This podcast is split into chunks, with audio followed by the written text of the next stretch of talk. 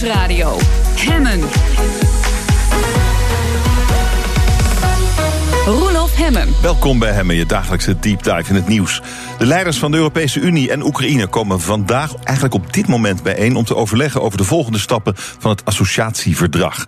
Nederland had daar dat referendum over, een meerderheid stemde tegen. Dat is een bekend verhaal. Toch wordt er nu gekeken naar verdere samenwerking. Praat erover met Europa-specialist Rob Boudewijn. Rob, welkom, wat je er bent. Goed. Uh, waar gaan ze het precies over hebben? Uh, de kern van het associatieakkoord is uh, het vermakkelijken van de handelsbetrekkingen tussen de EU en de Oekraïne.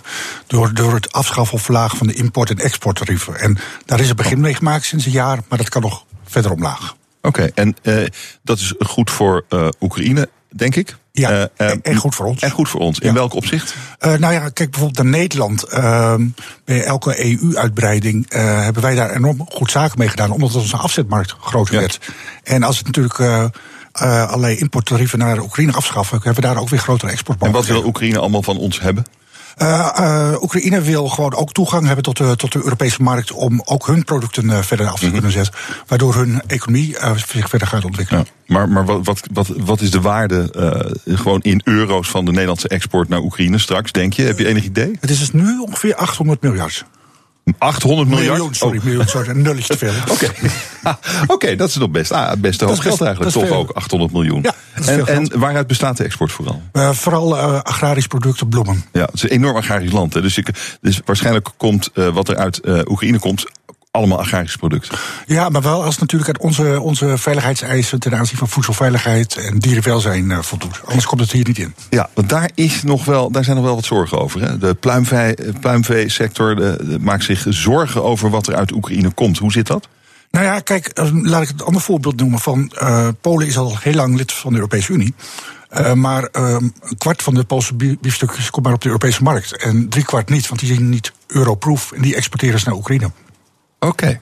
uh, dus dan kun je wel veronderstellen dat ze het in Oekraïne wat minder nauw nemen met de hygiëneregels zoals wij die kennen in elk geval. Dat, dat veronderstel ik. Dat veronderstel okay. ik. Um, Oké, dus dit is uh, toch weer een stapje uh, in de samenwerking, verdergaande samenwerking met Oekraïne. We hebben uh, een tijdje geleden dat referendum hier gehad. Er stemde de meerderheid van de mensen die kwamen stemmen tegen. toen bedacht Mark Rutte dat hij een soort van inlegvelletje erin in, in deed. Waarbij hij dacht tegemoet te komen aan de bezwaren van de Nederlandse bevolking. Wat voor rol speelt dat inlegvelletje vandaag? Uh, kijk, er staan natuurlijk nog veel andere zaken op de agenda vandaag. Bijvoorbeeld de strijd tegen de corruptie, uh, de Russische inmenging in Oekraïne, Krim, Krim wordt besproken, et cetera. Maar dat inlegvelletje, dat beroemde inlegvelletje, uh, dat is alleen maar een, een, voor, de, voor de thuisburen geweest. voor de nee-stemmers. Van we doen er een extra annex bij met de garantie dat de Oekraïne er nooit bij komt. Maar als je een verdrag afsluit, afsluit moet je dat laten tekenen door alle partijen. En als alleen de Europese kant een annex tekent, is het juridisch gezien nul waarde. Het is puur voor de bühne. Ja, maar uh, dit is, is dit dan echt uh, op weg naar een lidmaatschap? Nee. Uh, associatieverdragen hebben we met tientallen landen over de mhm. wereld, ook bijvoorbeeld met Chili.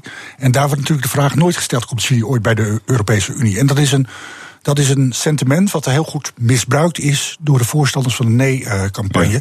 Want er staat geen enkele letter in het hele verdrag over toetreding, alleen maar over samenwerking. Nee, het speelt geen rol, het ging er ook niet over. Het, nou, ging, het, ging en het, het, zal er ook niet over gaan. En vandaag lezen ze dat ook echt niet terug. Dat nee, oh, nou goed. Um, Um, de, de, andere onderwerpen die je noemde. We, we hebben natuurlijk uh, Rusland uh, in de buurt van Oekraïne. Uh, dat, dat is best lastig. Ja. hoe kijkt Rusland tegen deze gesprekken? En, en, naar de gesprekken van vandaag bijvoorbeeld, over die handel? Nou ja, kijk, er, er zijn Nederlandse politici die hebben beargumenteerd dat zeg maar de, de het perspectief van het associatieverdrag, dus toenadering tussen de Oekraïne en, en de Europese Unie, dat dat de, de, de, invasie van Rusland van de Krim rechtvaardigde. Dat is natuurlijk wel een heel erg uh, paranoia-denk. Dat als je een verdrag, een handelsverdrag afsluit, dat dat een invasie rechtvaardigt. Maar ja, kijk, de, de, vorige president die was natuurlijk nog, uh, nogal uh, op, op de handen van Rusland. En de huidige president is natuurlijk heel erg op, op handen van de Europese Unie. ja, wij proberen eigenlijk met, met, man en macht door uh, te helpen uh, Oekraïne economisch te ontwikkelen, de, de, corruptie te bestrijden, et cetera. Proberen we het land in, in de vaart der volkeren omhoog te krijgen, economische ontwikkeling, et cetera, et cetera, zodat de politiek-economische situatie stabieler wordt.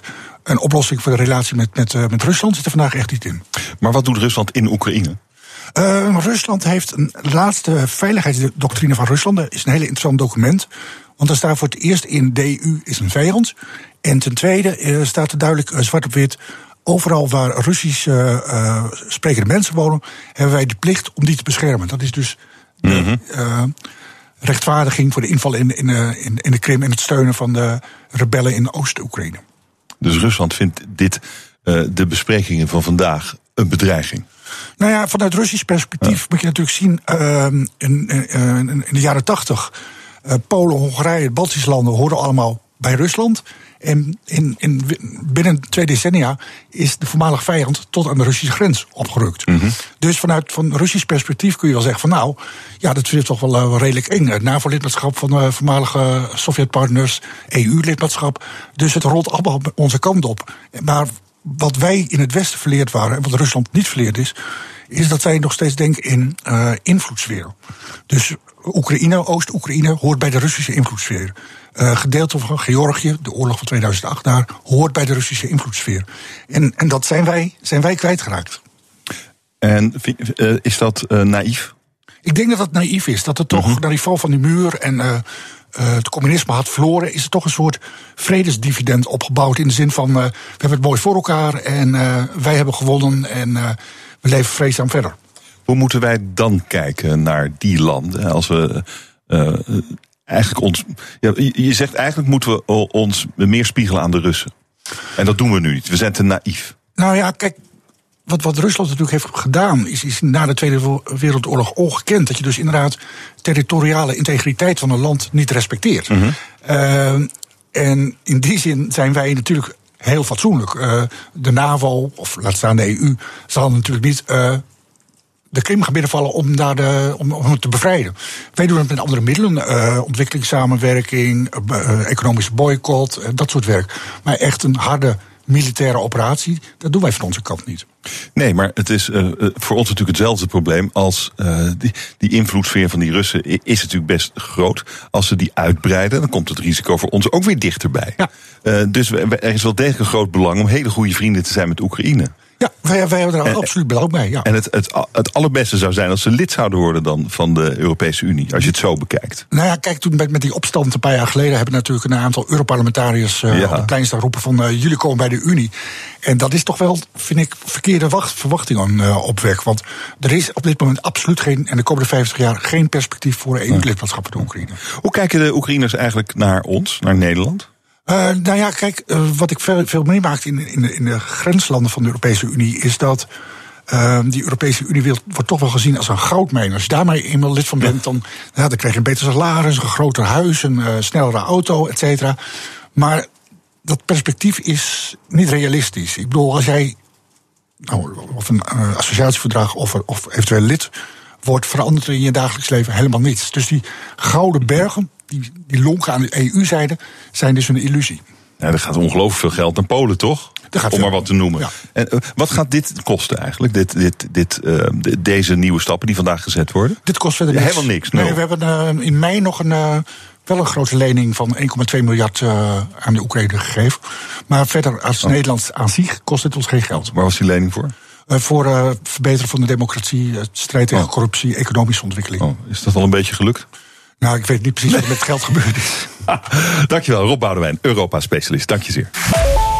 Zometeen in het beste van Hemmen. Zelfs de ouderwetse barkruk moet er nu aan gaan geloven. We vervangen hem voor een 3D-geprinte versie die ook nog gerecycled is. We horen zo het verhaal van de maak. BNR Nieuwsradio. Hemmen. Van goed naar beter. Er gaat veel goed in ons land, maar laten we vooral ambitieus blijven. Het kan altijd beter. Vandaag in Van Goed naar Beter. We maken in ons land heel veel lekker speciaal bier. Maar dat bier wordt vervoerd in plastic wegwerpfusten. Het bedrijf van Plastic heeft daar een oplossing voor bedacht. Ze maken nieuwe dingen van die weggegooide fusten. En bij mij zijn Sam van Til en Nout Kooi, oprichters van Van Plastic. Welkom. Dankjewel. Dankjewel. Uh, hoe kom je erop?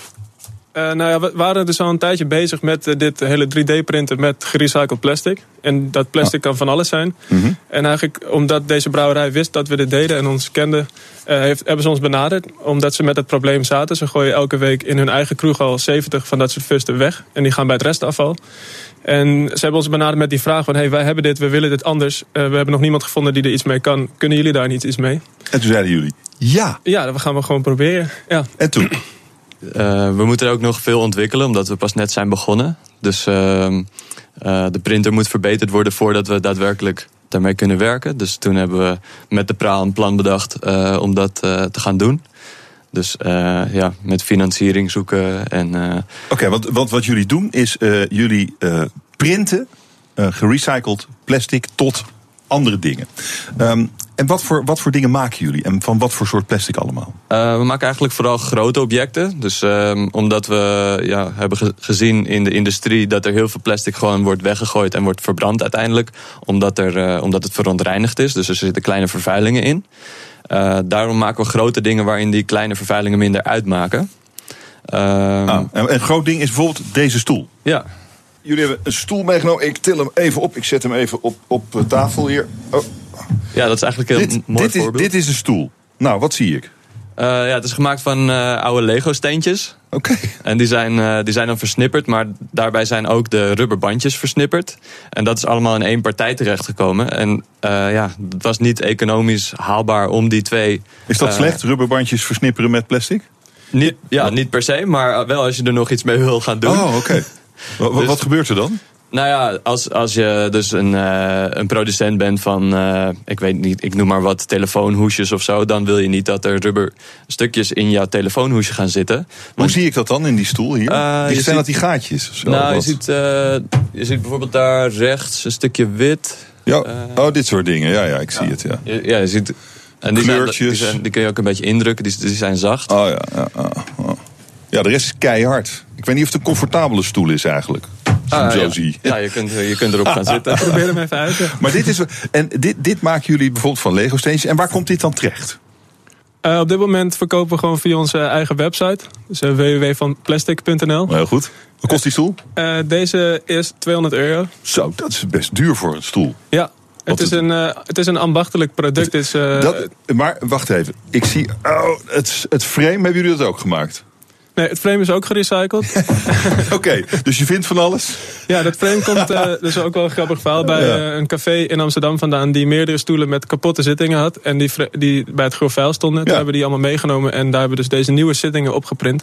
Zodat ook die onderstellen weer een nieuw leven krijgen. Dat is natuurlijk het, het uh, waarom die 200 euro kost, is, is al dat werk wat erin gaat zitten natuurlijk. Precies, ja. ja, ja, ja, het is, het is nog een hoop handwerk ook. En hoeveel hebben jullie gemaakt? Van deze hebben we er pas twee gemaakt. En, en wie koopt dat? Wie koopt de, deze stoelen? Uh, mensen die het leuk vinden, die het verhaal goed vinden. Um, in, het, in het geval van die brouwerij nemen ze natuurlijk een grote partijstoelen af. Die ze zelf in, het, in de kroeg neer gaan zetten. Oké. Okay. Dus het is ook, uh, we werken nu ook met bedrijven want, samen. Oké, okay, want die fusten, dat worden dit soort stoelen. Ja, een ander ontwerp, echt specifiek voor, voor, de, voor de brouwerij. Want het leuke met die 3D-print is dat je steeds een andere vorm kunt maken. Dus in hun geval wordt er een ontwerp gemaakt wat echt past bij hun kroeg en de stijl van, van het interieur. En hoe ziet dat er dan uit? Dit is een, een, een tamelijk eenvoudige terrasstoel, denk ik. Mag ik hem zo omschrijven? Ja. ja. En, en hoe gaat de caféstoel eruit zien? Uh, ja, we moeten eigenlijk daarvoor nog het ontwerp maken. Maar ik denk uh, ook vergelijkbaar. Dus dat wordt ook een terrasstoel. En die moet gewoon tegen een stootje kunnen. Dus uh, het moet ook degelijk, degelijk zijn. Maar waarom hebben jullie nou bedacht, we kopen een 3D-printer, we verzamelen plastic en daar gaan we dingen van maken? We hebben de 3D-printer zelf ontworpen en gebouwd, omdat die niet op deze manier bestaat in de markt. Oké. Okay. En hoe kwam je daar dan op? Eigenlijk vanuit het, uh, het hele plastic verhaal. We waren al wel bezig met plastic recycling en we zagen toen... Maar hoe kom je dan bij plastic recycling? Je denkt, je zijn twee jonge mannen en jullie denken van... kom, we gaan een bedrijf doen in recycling van plastic. Nou, het begon allereerst met het 3D-printen zelf. En dat deden we al allebei als hobby. En we zagen dat je daar heel veel nieuw plastic voor gebruikt. Wat gewoon, je maakt allemaal vrij nutteloze dingen, om dat maar zo te zeggen. uh, grappige speelgoed dingetjes, een iPhone hoesje, dat soort dingen. En uh, toen dachten we, kan het niet met gerecycled plastic, dat 3D printen? En zo is eigenlijk die zoektocht ontstaan. We, ja, we hebben verder geen achtergrond in de plastic recycling. Maar we dachten gewoon, kunnen we dit niet gaan doen? Dus wat ja. we al doen, maar dan met recycling. In plaats van allemaal nieuw plastic uit wow. Azië. En, ja. wat, en wat is jullie achtergrond dan? Uh, Sam heeft uh, architectuur gestudeerd, dus architect. En ik heb werktuigbouwkunde gedaan. Oké, dus jij hebt, uh, jij hebt, jij hebt uh, de 3D-printer printer gemaakt? Nou, samen. Sam is eigenlijk ook een beetje een okay. werktuigbouwer, ja. Oké, en um, uh, de, de, de verschillende soorten plastic. Hè? We hadden het net over het plastic waar deze stoel van gemaakt is. Dat toch niet helemaal het goede plastic is eigenlijk om veel dingen van te, van te maken. Er zijn natuurlijk ongelooflijk veel soorten plastic. Ja. dus ehm, wat is nou goed plastic voor wat jullie ermee willen doen? En wat is nou echt waardeloze rommel? Uh, nou, het liefst werken we met plastic dat, uh, dat eigenlijk niet op een andere manier kan worden verwerkt. Dus uh, behalve verbranding. Wat eigenlijk het overgrootste deel van het plastic wat we in Nederland gebruiken, belandt op de verbrandingsovens. En ja, omdat de producenten daar niet met die vervuilde stromingen kunnen omgaan. Dus met, met die stromen werken we eigenlijk het liefst. En dan... Maar hoe, hoe, hoezo kunnen zij niet met vervuilde? Dat is, ze verbranden het. Ja, dus in het geval van deze, deze partij met Lego-steentjes waar een klein beetje rubber in zat. Dat gaat dan maar om een paar procent rubber in, in, in zo'n hele partij. Uh, een normale producent die, die wel met dit type plastic werkt, maar die wil gewoon niet dat er rubber in voorkomt. Dus dan wordt die partij aan de kant gezet en uiteindelijk ver, uh, eindigt die in de verbrandingsoven. Ja. Dus het zijn die stromen die dus wel één soort uh, kunststof zijn, maar wel en bij ons, we, we, laten gewoon iets meer vervuiling toe. Dus een klein beetje van een ander materiaal. Of een, soms is het ook gewoon hout of, of, of metaal wat meegeshred is in het product die versnipperd zijn. Ja, ja, je haalt het eigenlijk weg voor de deuren van de verbrandingsoven. Dat is, wel, ja. Want dan, dan wordt het echt zonde als het verbrand wordt. Want natuurlijk ongelooflijk veel plastic wordt al gerecycled. Ja, helaas wordt er nog maar een heel klein deel van. Nou, hoeveel, we, hoeveel is het? Ik dacht dat het wel hartstikke veel was. Van wat er, ja, het is ongeveer een procent of tien wat Oh, daadwerkelijk in een nieuw product terugkomt. Dus Oh, en de 90% rest wordt toch verbrand? Ja, Ah, dat is wel een beetje zonde, ja. zeker. Die had ik niet zo scherp. Dus er is een enorme hoeveelheid plastic waar jullie dingen van kunnen maken. Wat zijn jullie ambities? Nou ja, dit, dit is natuurlijk alleen maar het begin. We zijn nu die printer die we zelf hebben gemaakt nog een beetje aan het ontdekken wat je ermee kunt. De eerstvolgende stap is, is gewoon hier in Nederland schalen. Dus meer printers bouwen. We zijn begonnen aan een tweede printer. eh, een beter ontwerp weer dan de eerste. Wat, Eh, wat kost dat, zo'n eh, printer bouwen? Vooral heel veel tijd, omdat eh, ja, als we alle onderdelen onbetaalbaar zijn, omdat gewoon het zijn industrieel vervaardigde eh, onderdelen Ah. die gewoon ja, heel duur zijn. Eh, dus we proberen eh, eigenlijk de kosten te drukken door heel veel zelf te doen. Wacht even, dus niet alleen de printer zelf bouwen, maar ook de onderdelen voor de printer zelf maken. Wat, geef eens een voorbeeld. Eh, ja, een voorbeeld is een, de extruder, dus het gedeelte dat het plastic echt smelt en, en eruit perst als het ware. Dus ja, waardoor het uiteindelijk zo'n lijn komt waar we mee, wordt waarmee we kunnen printen. En daar zijn we nu bezig om een verbeterde versie te maken, zodat, zodat het plastic beter mengt in dat proces. Beter dan wat er te koop is op de markt. Nou, als je het koopt, dan betaal je daar zo'n 50.000 euro voor. Oh. Eh, En als we het zelf maken, is het eerder richting de 5 aan onderdelen. Dus dat, is, dat maakt het natuurlijk wel interessant om dat zelf te doen. Zeker. Ja. En zo moet dat hele ding gebouwd worden. En hoe groot is hij dan? Hoe groot zijn de dingen eigenlijk die je ermee kunt maken? De printer zelf die we nu hebben is eh 2 bij 2 bij 2 meter. Dus dat is eh, gewoon een hele kamer Dat eigenlijk. is een beetje zo groot als deze studio. Ja, dat Iets kleiner. Iets kleiner, ja. En wat er uiteindelijk mee gemaakt wordt is iets kleiner dan dat. Dat is eh, anderhalve meter bij een meter bij een meter. En ik denk dat de, de nieuwe printer iets groter, eh, grotere objecten nog kan gaan maken. Ja, ja. En wat voor dingen dan? Tafels, eh, kasten? eh, moet het al per se meubilair zijn? Of wat, wat, wat kun je er allemaal mee? Wat Nee. zijn jullie plannen? Ja, we zijn toevallig ook nu een samenwerking met een kunstenaar begonnen, Peter Smit. Die richt zich op zwerfafval. Hm. En die, eh, we zijn samen met hem begonnen aan het maken van een standbeeld. Dat wordt het grootste standbeeld van zwerfafval ter wereld. Die wordt 12 meter groot. Die gaan we uitdelen dan op eh, printen. En dat wordt een, een, een liggende vrouw die borstvoeding geeft, de plastic Madonna. Dus ook zoiets is mogelijk. Gewoon een, een, eh, een sculptuur of een kunst, kunstwerk. Ja. Oh, dat is leuk. En waar komt die te staan? Het idee is dat hij steeds gaat Te verplaatsen. Ja, ze, ze komt te liggen. Eerst in Nederland op verschillende plekken, geloof ik. En later wil hij daarmee ook de wereld over. om- Omdat hij eigenlijk met dat standbeeld zijn verhaal wil vertellen over zwerfafval. En wat we daar met z'n allen aan kunnen doen. Wat een mooi idee. Ja. En, maar dan moet je dus eerst al wat zwerfafval gaan opzoeken.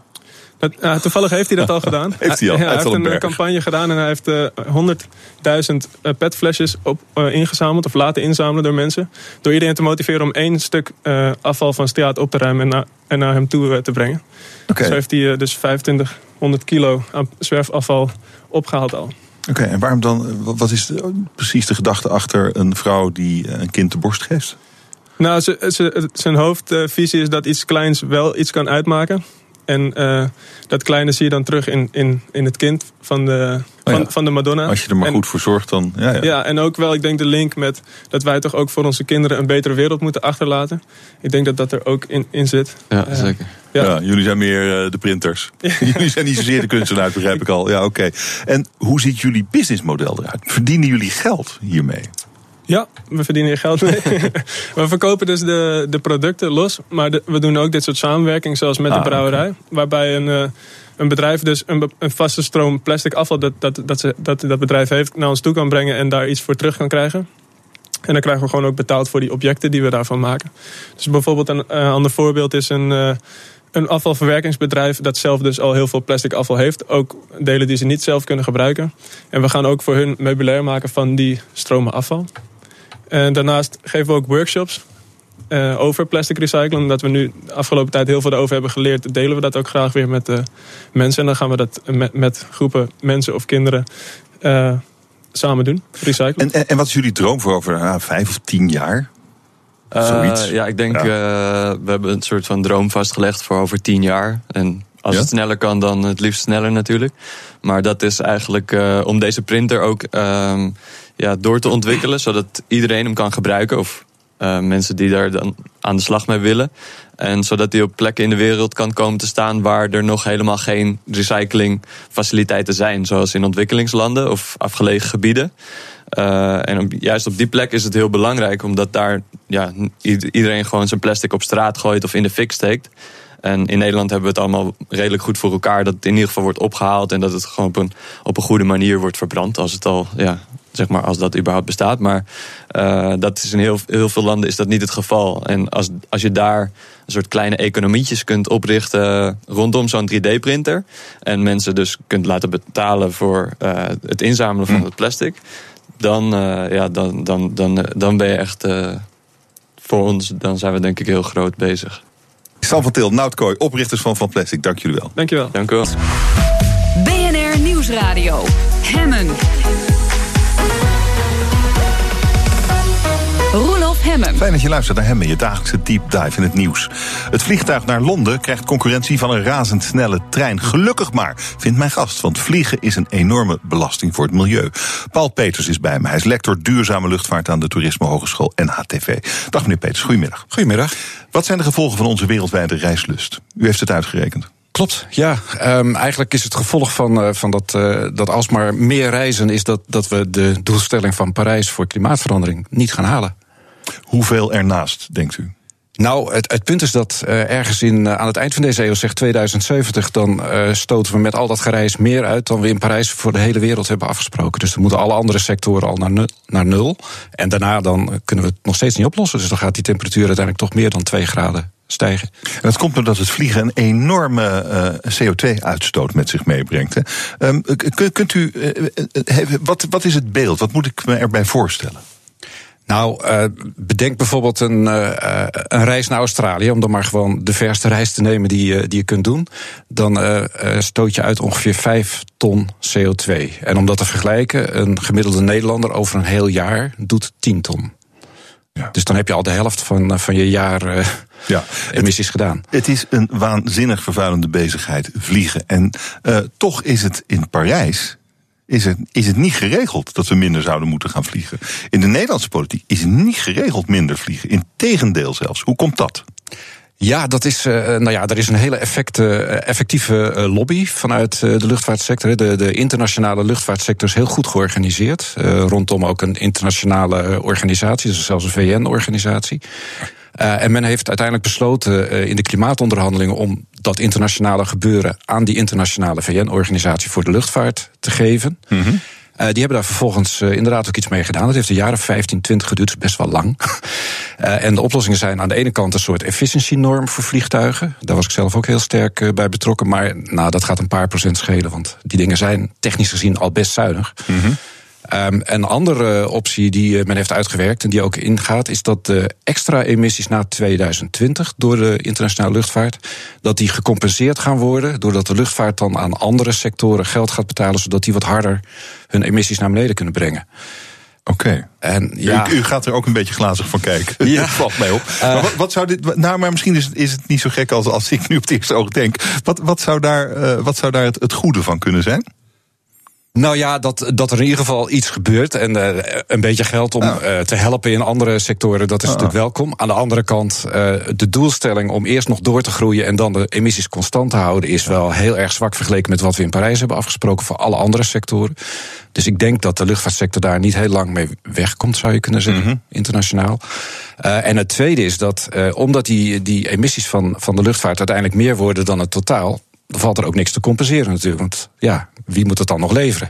Want die zitten er al onder met z'n allen. Uh, waarom uh, doet die VN-organisatie voor de luchtvaart niet wat meer? Nou, daar zit een, een, best wel fundamenteel probleem bij de luchtvaart. Uh, het vliegtuig zoals we het nu kennen, dat is afhankelijk van kerosine. Uh, het enige wat je dan dus nog eigenlijk. Nou ja, qua techniek zijn ze al heel ver. Uh, dus uh, het wordt nog wel zuiniger, maar dan gaat het ongeveer 1% per jaar, misschien anderhalf. terwijl het 4, 5% per jaar groeit. Dus u begrijpt, de emissies nemen daarmee niet af. Um, dus daar kun je niet zoveel aan doen. en het tweede is dat die. Um, nou ja, dus technisch kunnen ze niet zoveel. Nee. Dat is de eenvoudige oplossing altijd. Uh, het duurder maken, daar zijn ze niet echt voor. Dat is een andere oplossing om in ieder geval ja. de groei eruit te halen. Maar ja, dat gaat een luchtvaartorganisatie natuurlijk niet doen. Uh, en het laatste punt. Ja, wat ik... Hoezo niet doen? Dat is een VN-organisatie. VN is van ons allemaal ja, voor de benefit of the world, toch? Ja, nou ja, uh, de, deze organisatie is al in 1944 opgericht. Uh, en toen was het dus oorlog hè, in de wereld. Aha. De Tweede Wereldoorlog. En de bedoeling van die organisatie was om de mensen meer bij elkaar te brengen, zodat vrede op aarde zou ontstaan. Oh ja, vliegen dat je meer begrip... middel voor. En vliegen zou daar een uitstekend oh, zijn. dat doen ze nog steeds. Dat en zit die doelstelling zit er nog wel steeds in. Okay. En het is dus niet eenvoudig voor zo'n organisatie om te zeggen van nou laten we dat vliegen maar eens flink duurder maken. Dat, dat gaan ze niet doen. Duurder maken? Ja, duurder maken is een ander idee. Uh, hoewel het dan dus uitsluitend ja. bij rijke mensen komt. En als je het op de bon doet, dan is het aardige dat mensen die niet willen vliegen, ja. kunnen die bonnen wellicht verkopen. Dus die worden rijk. En de mensen die rijk genoeg zijn om die bonnen te kopen, die kunnen vliegen. Ja, die kunnen dan vliegen. Maar wel minder. Dus het helpt wel, want dan heb je er een cap op. Dus maar is echt verder niemand die hierover nadenkt, over dit soort oplossingen. Geen, er zijn geen overheden, geen uh, VN-organisaties. Hier denkt niemand over na. Die luchtvaart gaat gewoon zijn gang. En dat is misschien wel goed Klopt. ook, want wij willen overal naartoe vliegen. Nou ja, dat, dat is waar. We willen veranderen. Kijk, een vliegtuig is natuurlijk gewoon een middel om ergens te komen. Het is niet speciaal een doel op zich. Ik bedoel, niemand uh, mm-hmm. gaat vliegen om het vliegen, maar om ergens te komen, mm-hmm. doorgaans. Um, dus in die zin, je kunt natuurlijk ook op andere manieren op allerlei plekken komen. Ja. En er zijn ook, ja, je hebt een enorme keuze natuurlijk aan plekken in de wereld om heen te gaan. Uh, ja, zou je Australië? Nou ja, ik zeg tegen mijn studenten vaak van... als je naar Australië vliegt, weet je wel hoe ontzettend veel fantastische bestemmingen je overheen bent gevlogen. Ja, Die heb je allemaal gemist. Ja, maar als je naar Australië wil, dan uh, ja, je kunt gaan varen, maar dat is ook smerig. Nee, dat, uh, dat gaat het uiteindelijk niet worden natuurlijk. dat is logisch. Op Schiphol zit eigenlijk nauwelijks een beperking. Ja, er is er natuurlijk wel die 500.000 vliegbewegingen. Maar de, het kruipt steeds een beetje vooruit. Er zijn allerlei plannen om uh, toch de groei mogelijk te maken van Schiphol.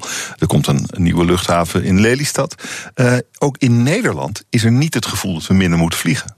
Nee, maar dat is ook eigenlijk wel weer ja, in zekere zin logisch. Ik bedoel, gewoon logisch gedrag van de Nederlandse ja. regering. Want uh, het probleem van de klimaatverandering, dat wordt in Montreal door die internationale organisatie opgelost. Tenminste, zo hebben we het afgesproken in Parijs. Mm-hmm. Uh, terwijl de, de winst van groei van de luchtvaart, de economische winst, of uh, nou ja, dat je meer kunt reizen.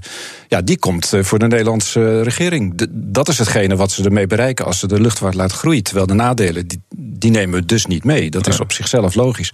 Aan de andere kant, als je voor Nederland datzelfde sommetje maakt als voor de hele wereld, dan zitten we in 1950 of in 2050 zitten we al op het punt dat de luchtvaartemissies groter zijn dan alle emissies die we zeg maar met het Wiebes-pakket voor klimaatverandering, die 49% vermindering, als je dat dan doortrekt, ja, ja en dan, dan loopt dus helemaal vast dan. dan het, is, het is ook, ja, het is, het is natuurlijk logisch, zoals u zegt, dat ja, Schiphol is één luchthaven van de vele in de wereld. Maar het is voor Nederland natuurlijk een heel belangrijk punt, ook economisch gezien. Het levert gewoon echt geld op en banen.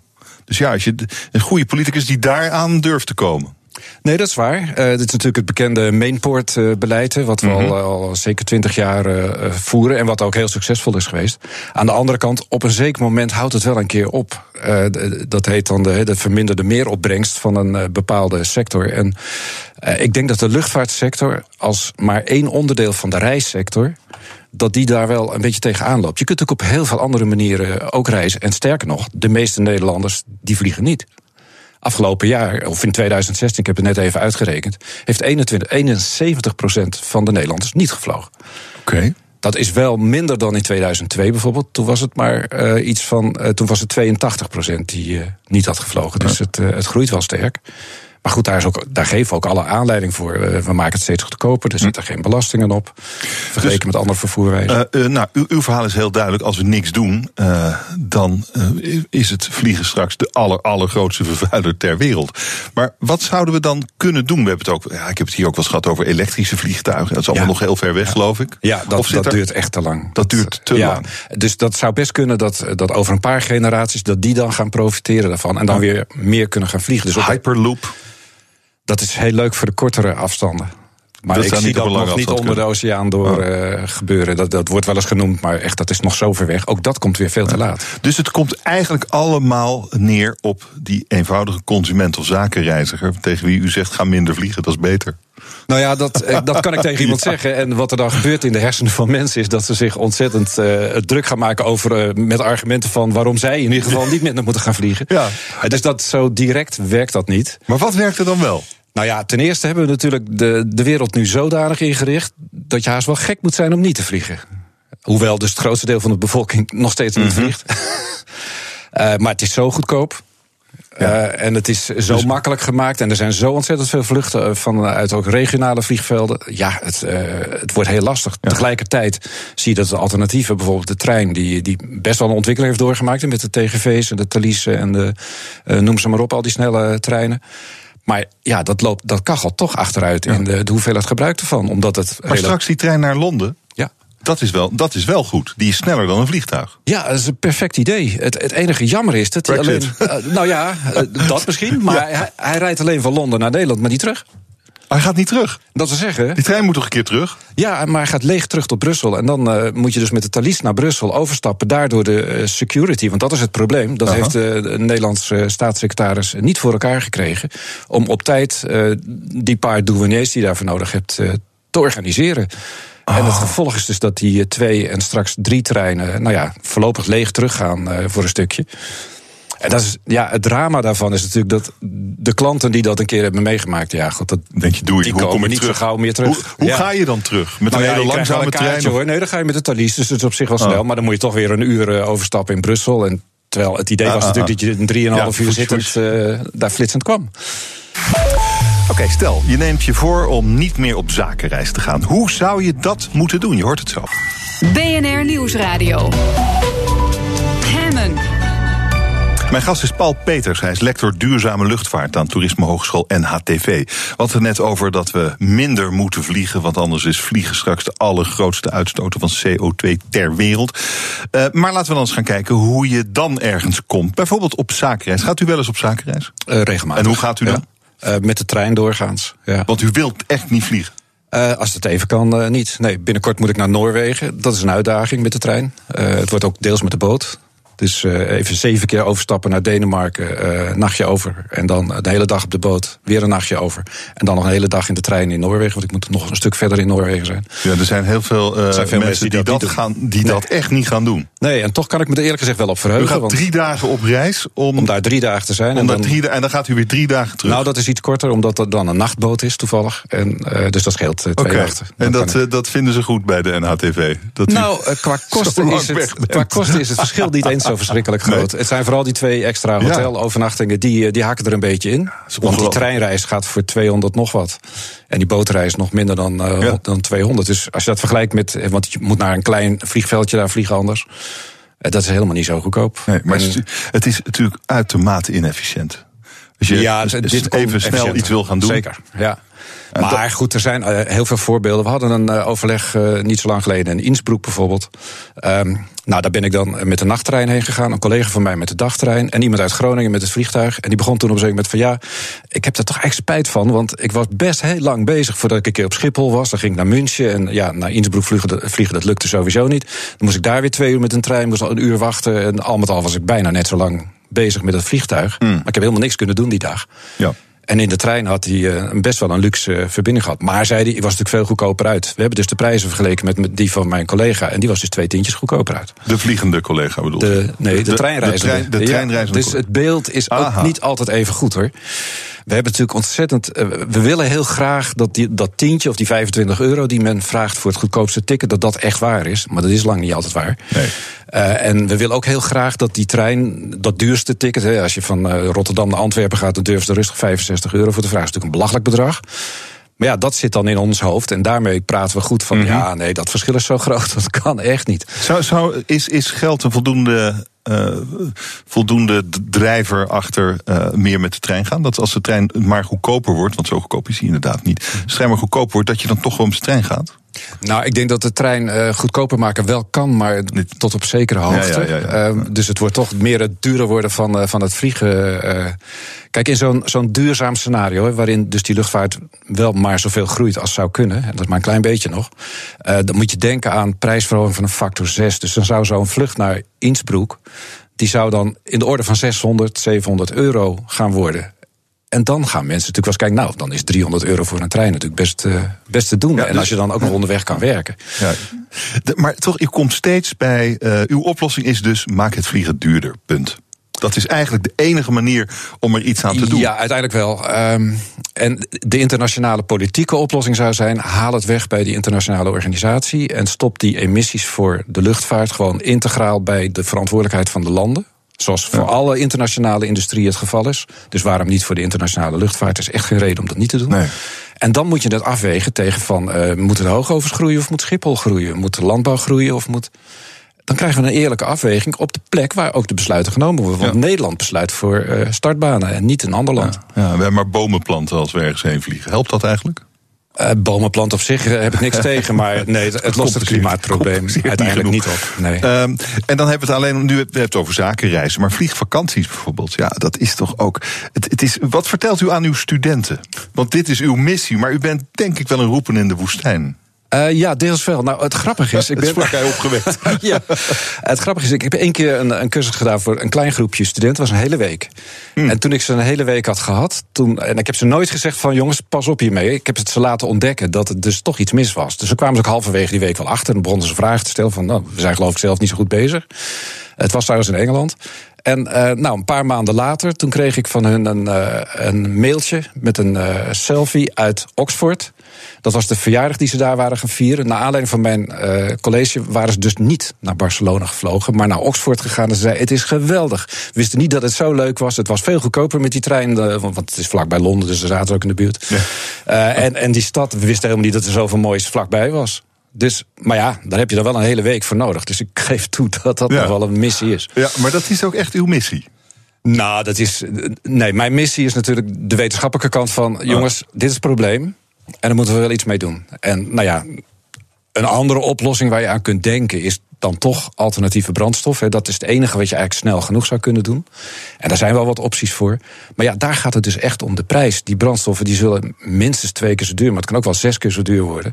En dat is voor een, vliegticket is dat een behoorlijk. Uh, wat, is er, wat is er zes keer zo duur als uh, kerosine? Uh, een alternatieve brandstof uh, die, die je zou Wat kunnen verzinnen. Ja, aan de ene kant zou je kunnen denken aan biobrandstof, maar er zitten weer zoveel oh. andere nadelen aan. Dat is een beetje link. Maar je zou kunnen denken aan uh, het vanuit CO2 kun je met een bepaald proces kun je weer kerosine maken. Dat kost natuurlijk meer energie dan er uit die kerosine uiteindelijk komt. Dat is een deel van de mm -hmm. kosten die je extra moet maken. Maar het kan wel. Ik bedoel, technisch is het is gewoon techniek die we al decennia hebben. Moeten we alleen combineren op een goede manier. Ja, maar ja, en dan wordt het vliegen ook zes keer zo duur. Nou, dat niet, want de brandstof is dan ongeveer een kwart tot, uh, tot 30, oh. 40 procent van de prijs. Dus dan drie keer zo duur. Twee, drie keer zo duur. Maar dan hebben we ook iets wat echt opgelost is. Ik uh, ben benieuwd waar dit heen gaat. Ik, ik uh, wij gaan het in de gaten houden met u. Dank u wel, Paul Peters, lector duurzame luchtvaart aan Toerisme Hogeschool NHTV. Dank u zeer. BNR Nieuwsradio. Roelof Hemmen. In de zomer gaat ook Hemme op vakantie. En daarom spreken we elke dag een van onze leukste gasten vanuit hun hangmat op vakantie. Vandaag is dat VVD-prominente communicatiespecialist Frits Hoefnagel over spanning en ontspanning tijdens je vakantie. Hi Frits. Goedemiddag, Olof. Wat ben je nog braaf aan het werk, zeg. Ja, jij niet, hè? Waar ben je? ik zit in Biot. En Biot, dat eh, is in Zuid-Frankrijk. ehm, zit, ligt zeg maar tussen Nice en Cannes in. In En Zuid-Frankrijk bij tussen Nice van mij. en Cannes. Hartstikke idee. Heerlijk zeg, Frits. Eh, Ja, en eh, heb je een beetje aardige accommodatie gevonden daar? Nou, ik ben bij vrienden van mij, eh, Jens en Erik, en die wonen hier. En die hebben een heel leuk huis. En eh, een van de leukste dingen aan het huis is wel het zwembad, wat er dan weer voor eh, ligt. Dus ja, dan kan je heerlijk eh, natuurlijk in het zwembad liggen, aan het zwembad liggen, lekker boeken lezen. En eh, af, af en toe een, een uitstapje naar Cannes of naar Biet. En eh, vooral niet te veel doen. Eigenlijk ben je vooral aan het liggen. Eigenlijk ben ik vooral aan het liggen, ja. Ja, ik lig in het zwembad of ik lig aan het zwembad. En wa- maar waarom doe je dat? Nou, eh, één, eh, ik had ontzettend veel zin eh, in een vakantie met, met niet al te veel activiteiten. Ten tweede, eh, vriend van mij, Ruud, die mee is, die had daar ook behoefte aan. Dus dat sloot heel mooi aan. En ten derde, mijn huis wordt verbouwd. Ah, oké. Dus je moest eigenlijk wel weg. Maar, maar maar het je- was wel handig om, om dan. eh, Sowieso kon ik niet mijn huis in, maar dan was het wel handig om dan ook maar gewoon meteen de vakantie tegelijkertijd te doen. Maar blijkbaar heb je echt behoefte aan rust, ontspanning, herstel. Eh, heb je zo'n druk jaar achter de rug? Nou, ik heb wel een mooi jaar achter de rug. Ik heb natuurlijk weer mijn talkshow eh, gedaan. Eh, en die zit nu in de zomerstop. Eh, ik ben nog steeds voorzitter van de branchevereniging. Nou, de politiek gaat nu op vakantie. Dus ja, dan wordt het daar ook wat rustiger. En zo met een beetje rust in je kop en je hoofd ook weer een beetje leegmaken. Dan kan je ook weer gaan nadenken over het volgende seizoen en over wat er allemaal nog aan zit te komen. En ik word aankomende zondag 50. Dus ja, dat is natuurlijk wel een, een leeftijd waar je, die je moet vieren. En ja, als je dat dan viert, dan is het natuurlijk wel verstandig om daar een beetje uitgerust aan te beginnen. Ehm, en eh, als je daar nou zo ligt na te denken over eh, van alles dus... want ja, je zegt wel dat je aan het uitrusten bent... maar ik geloof dat je heel erg aan het nadenken bent over het komende jaar alweer. En wat staat, Ja, er, wat staat er het komend jaar op het spel voor jou? In je vijftigste, Nou, mijn- mijn- je vijftigste jaar? Ja, nou ja, daar begint het natuurlijk allemaal mee eh, aankomend weekend. Ehm, en dan eh, ga ik in september weer door met mijn, mijn talkshow bij Omroep West. Mhm. Ehm, dat is de talkshow Frits. En daar krijg ik van, van eind september tot aan eh, de kerst... eh, zijn we dan weer elke zaterdagavond eh, op de buis. Leuk is trouwens dat het boek wat ik nu aan het lezen ben... eh, dat heet eh, Erfenis. Dat is geschreven door Henk Apotheker en door Kirsten eh, van Dissel. En Kirsten is weer een collega van mij bij eh, eh, Omroep West. Hm. En eh, die is, van origine is ze eigenlijk eh, eh, actrice. Je zou haar nog kunnen kennen van, eh, van eh, Baantje. Ehm, en ik ben natuurlijk ook in het kader van... eh, ik word nu 50. Ben ik het boek aan het lezen van Cornel Maas, die allemaal interviews heeft gedaan met eh vijftigers of bijna vijftigers. En dat boek heet Over de Helft. Hij had ooit een boek eh, over veertigers en dat heette Op de Helft. En dit heet Over de Helft. En het is wel vermakelijk om te lezen. En wat, eh, wat, wat leert het boek van Cornel Maas jou over jouw toekomst? Nou ja, bijvoorbeeld eh, dat het wel grappig is hoe, hoe sommige mensen er, eh, erin staan. Ehm, eh, ik moet zeggen, dat was een mooie uitspraak van, van Frits Wester, die eerst aangaf... ja, eigenlijk hou ik helemaal niet van, van afscheid nemen. En ja, als je 50 wordt, dan zit je een beetje in de scharnierfase. Dus dat is een beetje, je gaat een beetje afscheid nemen van mensen. Je bent bijna nergens meer de jongste. Toen dacht ik, oh, dat herken ik wel. en is dat, is dat, maar is dat erg dan eigenlijk? Nee, dat is helemaal niet erg. Ik vind dat elke leeftijd heeft weer eh, mooie, eh, mooie eh, momenten gebracht. Dus ik kijk helemaal niet op tegen het 50 worden. Maar ja, je weet natuurlijk dat je. er zijn dingen anders. Hè. Je, je hebt het nu is geloof ik zo'n mode om te roepen van ja, 50 is het nieuwe 40. Dan denk ik, nou ja, wat een onzin. Ik vond eh, de, de, de jaren als veertiger vond ik heerlijk. En ik ben van plan om dat als vijftiger ook te doen. Maar ik hoef het niet allemaal nog een keer te doen, toch? Nee, lijkt me niet. En bovendien, dat gaat ook helemaal niet meer. Want het verval is natuurlijk ook ingetreden. nou ja, dan krijg je, dan krijg je pijntjes. En dan krijg je eh, dat je sneller geblesseerd raakt en zo. Dus ja. ja. Uh, hey, en uh, als jij, jij ligt daar dan uh, natuurlijk lekker op je stretchertje naast het zwembad. En wat staat er dan, wat staat er dan op je, op je, op je Spotify? Wel, welke muziekje luister je? Wat vind je fijn? Oh nee, ik vind het heerlijk om aan zo'n zwembad juist helemaal niks te hebben. Hmm. Gewoon het liefst gewoon rust. Dus ehm, de krekels hier maken al zoveel lawaai. dat je eigenlijk geen muziek meer, uh, meer nodig uh, hebt. En als er al iets op staat, dan is het gewoon heel rustig uh, op de achtergrond. Maar het is niet dat ik, dat ik dopjes in mijn oren heb zitten. Bovendien vind ik dat ook niet handig als je aan het lezen bent eigenlijk. Het is gewoon toch wel makkelijker om gewoon dan Oh ja. dat een beetje in, in, in rust te doen. En dat vind ik helemaal heerlijk. En ja, nou, ach, weet je, en af en toe maken we dus een uitje. Nou ja, en dan, eh, weet je, dan loop je in Cannes of dan loop je in Biot. eh, nou, dan, dan is het natuurlijk prima als er ergens eh, muziek wordt gedraaid. Maar ik, ho- ik hoef niet zo nodig een, een dreun op mijn oren te hebben tijdens het lezen of terwijl ik aan het zwembad lig. Maar dit, dit maakt jou, jouw ultieme vakantie? Of heb je hier tips over? Wat is belangrijk? Wat is het belangrijkste ingrediënt voor een topvakantie? Ja, waar je aan toe. En nu, ik heb eh, eh, best eh, mooie maanden eh, gehad waarin ik hard heb gewerkt. Dus dan heb ik nu zin in rust. En wat ik eh, eh, graag doe ook, is eh, naar, naar steden gaan. Eh, stedentrips, dat is ook nog van, vanuit city marketing perspectief. eh, is dat voor mij natuurlijk interessant om daarnaar eh, eh, te kijken. Maar ook gewoon als ik op een lange reis maak, zoals ik ben eh, een half jaar geleden ben ik naar eh, Peru geweest. Ehm, en ehm, ben ik eh, daarna nog naar eh Colombia geweest. En ja, dan ben je op een plek waar het helemaal nieuw is, waar ik nog helemaal niks kan, of niks ken. En dan wil ik juist veel doen. Maar nu, deze vakantie, was vooral eentje van niet te veel doen. En ja, de beste tip is dan: neem je van tevoren voor wat voor een vakantie je wil hebben. En eh, als je niet alleen wil, ga dan in ieder geval met iemand die eenzelfde vakantie wil hebben als jij. Eh, het, is, eh, het is ongeveer lunchtijd, denk ik. Wat staat er al een flesje in de koeler? Ja, wij eh, zijn nu aan het eh kezen. Dat is een soort mens erger niet, maar dan met eh, kaarten. Ik kende het niet. Ik ken het woord kezen alleen maar op een hele andere manier. Maar daar heeft het echt helemaal niets mee te maken. Ehm, en ehm, nou, wij zitten daar nu ongeveer middenin. En eh, inmiddels staat de witte wijn alweer op tafel. Dus daar, eh, we gaan alweer de goede kant op. Geniet er nog even van. Frits Hoefnagel vanuit Biot in Frankrijk. Cheers. BNR Nieuwsradio. Hemmen.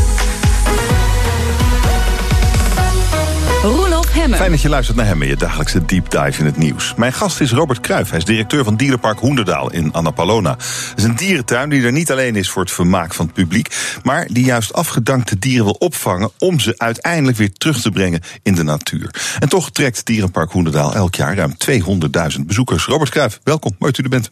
Dankjewel. Eh, afgedankte dieren opvangen, terugbrengen naar de, naar de natuur. Waarom is dat de filosofie van uw dierenpark?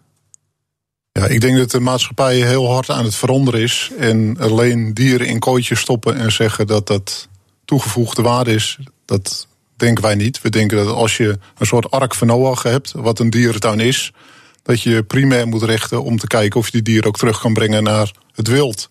En daarnaast zijn er heel veel dieren in nood. Kijk in circussen. En die dieren verdienen ook een plekje. En de meeste dierentuinen richten zich meer op het fokken en het behoud van de soort. En wij denken dat ook het behoud van het in- individu, het dier zelf, eh, belangrijk is. Ja, dat, dat is het verschil. Jullie zien een dier als een individu en niet als lid van een soort. Nou, wij zijn tien jaar geleden begonnen met het park. En uiteindelijk word je automatisch altijd in een soort hokje geduwd. En daar verzet ik me een beetje tegen. Je hebt drie stromingen van dierenliefhebbers. Je hebt de me- mensen met opvangcentra en die zeggen het individuele dier, dat is leidend. Die gaan we helpen. Dan heb je de dierenparken en die zeggen nee, de soort is leidend.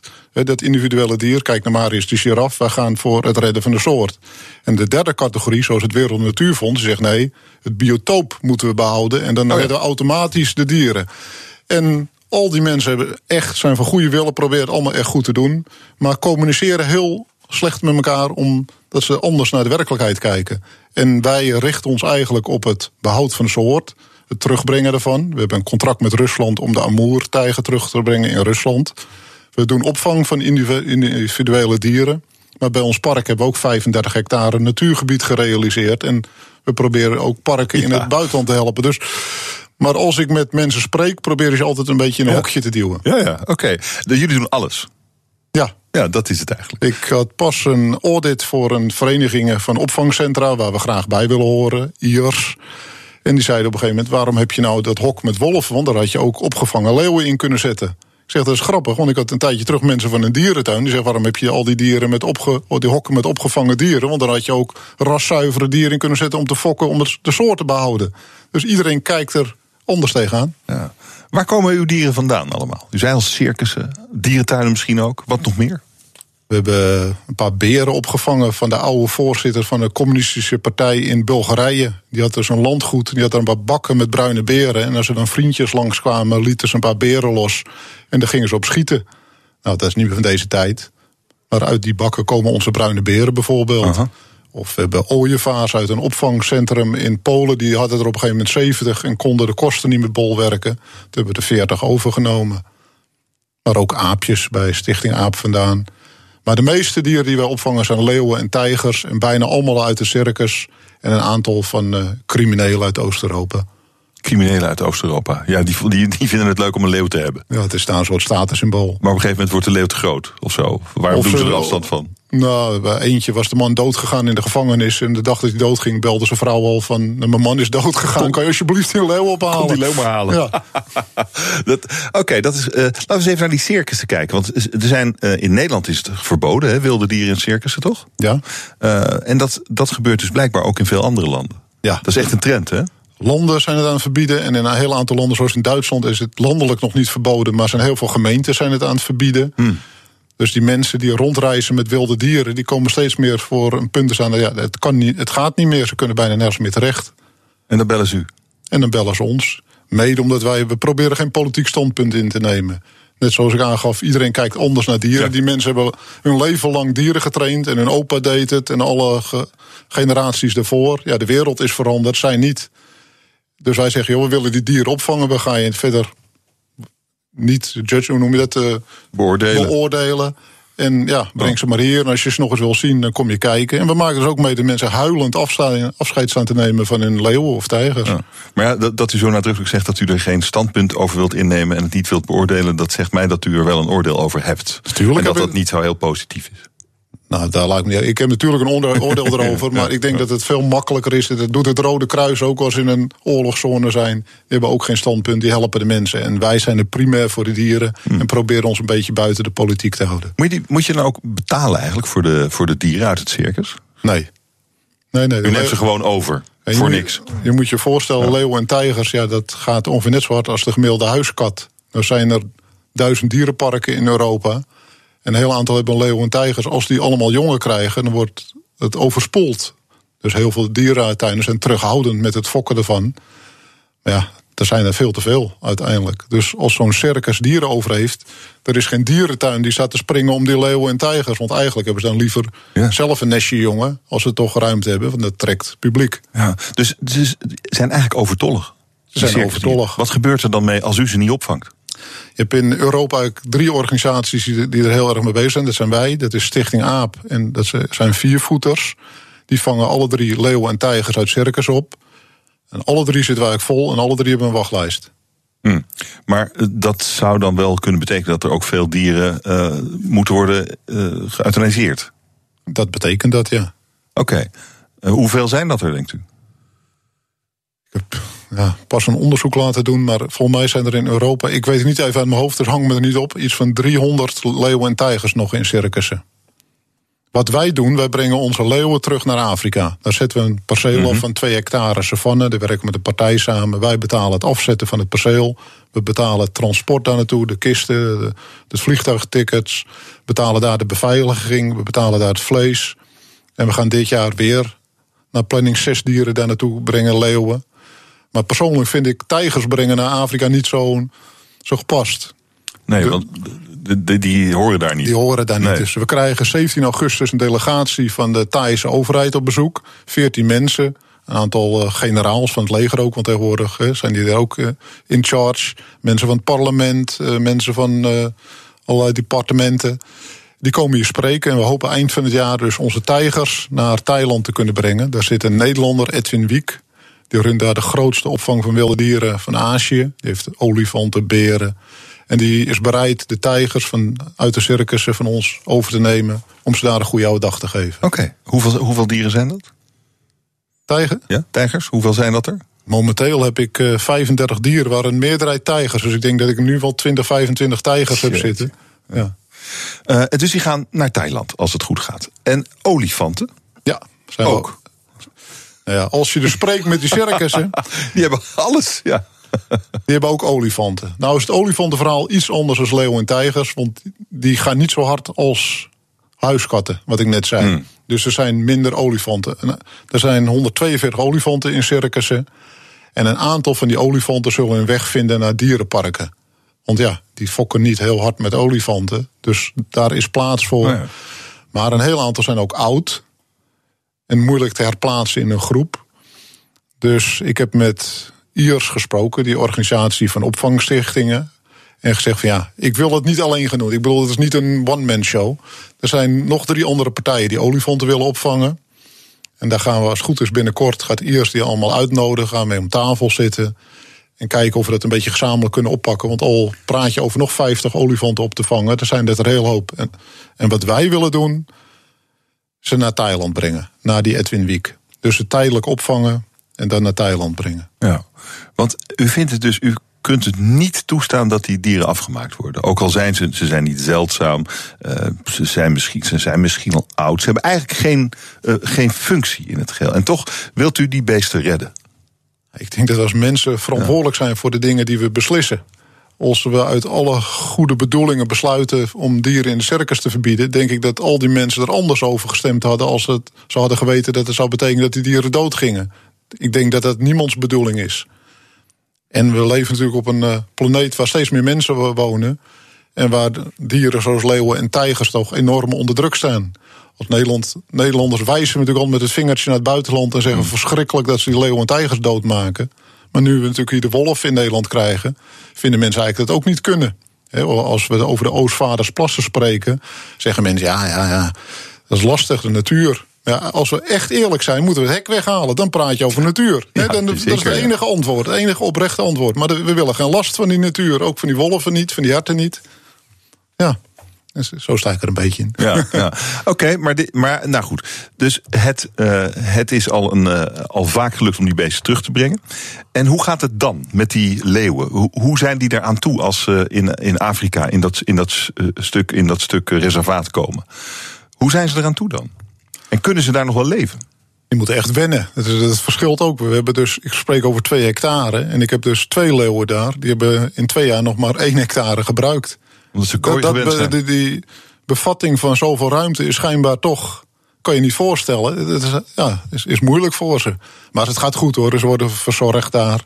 En die dieren blijven in die omheinde stukken. Die gaan niet verder los.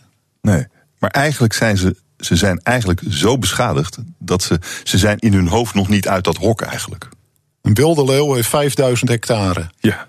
En hier komen ze niet verder dan één. Dat is ja. Nee, maar dat, dat, wat, wat zegt u dat? Dat is, dan toch, dat is dan toch die beschadiging? Ja, dus eh, wordt een dier toch aangetast? Dan ben ik met je eens, ja. ja. Ik kan er wel een heel mooi verhaal van maken, maar heb je gelijk Ja. Um, en ja, is, ja oké. Uh, deze, hele, deze hele operatie betalen jullie helemaal zelf. Hè? Er is nul uh, subsidie. Het is echt een zichzelf bedruipende organisatie. Er is nul subsidie. Maar gelukkig hebben we wel bijna 2000 of 2500 adoptie. Ouders noem ik dat. Mensen die leeuwen en tijgers bij ons adopteren. Voor een tientje per maand. Binnen Stichting Leeuw. Oh ja. En met dat geld kunnen we ook uh, heel wat doen. Dus het is niet alleen het dierenpark helpt. En die mensen helpen ook. En we hebben ook nog honderd vrijwilligers in het park die met alle liefde regelmatig uit Den Haag, Rotterdam komen om te helpen. Dus ja, we hebben allemaal hetzelfde doel. Dat is heel leuk. En nu zet hij zich in voor de dieren. Maar een paar jaar geleden zat hij nog in de oliehandel. Hoe heeft Robert Cruijff die opmerkelijke overstap gemaakt? BNR Nieuwsradio. Mijn gast is Robert Cruijff. Hij is directeur van Dierenpark Hoenderdaal in Annapolona. Met zijn dierenpark en de stichting Leeuw wil hij dieren terug de natuur inzetten. Circusdieren. Maar u komt oorspronkelijk uit de oliehandel. Klopt, ja. Dat is heel wat anders. Le- leg eens uit hoe je dan zo in de leeuwen terecht bent gekomen. Dieren was altijd wel mijn hobby. En we wonen met de familie op een mooi stuk eh, grond. Daar hadden we ook een dierenparkje, wat vrij toegankelijk was, met een, voornamelijk vogels. Want dat was mijn passie van jongs af aan. En op een gegeven moment, ja, dan gaat er een knop in je om. Je zit in de oliehandel, je werkt 80 uur per week. Eigenlijk heb je bereikt wat iedereen hè, op school leert dat je wil bereiken. Je bent de beste op school, je verdient een hoop geld. eh, ik had honderden mensen stuurde ik aan. Maar je had geen tijd voor je vrienden en je gezin. En als we s'avonds uit eten gingen, zat ik om zeven uur te knikkenbollen, want dan was ik moe. Ja. En dan op een gegeven moment heb ik de stap gewaagd en eh, met mijn vrouw gezegd van zullen we van dat parkje een mooi park maken en wat goeds gaan doen. En de instelling was eigenlijk niet meer om geld te verdienen, maar wat moois te gaan doen voor dieren. En uiteindelijk is het eh, succesvol en een prachtig project geworden. En dit is hoe lang geleden? Eind 2012. Ja. En wat heeft het gebracht nu, als we terugkijken, halverwege 2018? Wat, wat heeft het u persoonlijk gebracht? Een, eh, een fantastisch mooi leven. S ochtends, eh, als mijn kindertjes naar school gaan, dan sta ik ze uit te zwaaien. Als ze thuiskomen, dan drink je een kopje thee met ze. Want we zijn al, al- altijd aan het werk, maar wel op dat perceel. Dus je hebt tijd voor je kinderen. En ook voor vrienden en familie. En als je natuurlijk komt uit een branche waar elke minuut telt. En je drammen, drammen, drammen. En dit is een stuk prettiger, een stuk relaxter. En het is ook veel leuker om met mensen te praten over het redden van een leeuw. Als over een, het kopen van een schip met eh, benzine. Eh, Zit daar ook een soort idee eh, achter dat eh, de, de handel in fossiele brandstoffen misschien niet zo duurzaam is? Speelt dat een rol? Eerlijk gezegd, op dat moment Nee, niet? Ik Nee. zou wel heel mooi klinken als het wel. Nou, ik weet niet, zou kunnen. Ja. Nu, als je terugkijkt, kijk je er anders tegenaan. Maar op dat moment is dat je leven. Ik bedoel, als je bij een bank werkt, als je werkt bij een oliemaatschappij, daar zit je in. En ja, je kan er pas tegenaan kijken als je eruit bent en niet als je erin zit. Mensen zeggen altijd, ja, zie je dat niet? Nee, als je ergens in een brand zit, is het moeilijker om dat te reflecteren als dat je er buiten staat. Waar gaat, eh, waar gaat dit heen met eh, Hoenderdaal? Wat is, wat, wat, wat, wat is uw ambitie verder? Mijn ambitie is eh, om in ieder geval de tijgers naar Rusland te kunnen brengen. En we zijn nu ook met Gambia bezig. Daar heeft de overheid nu een contract getekend. Daar willen ze graag weer leeuwen terug. Daar zijn we mee bezig. Kijk, dat zijn echt geweldige, mooie projecten om dieren terug te brengen. En ik hoop over een aantal jaren, als de, alle circusdieren straks, als het verboden is, die circus, om al die dieren zo goed mogelijk een mooie plek te hebben gegeven. En dan ben ik blij. Maar gaan die dieren zich ook voortplanten in, in het wild? Die circusdieren? Als ze in Gambia zeggen, nee, willen de leeuw terug. nee, ja. nee. Wat ik zei, het gaat net zo hard als huiskatten. Ik denk, als er fokprogramma's zijn, kunnen ze beter de dieren daar in het Ja. wild stimuleren.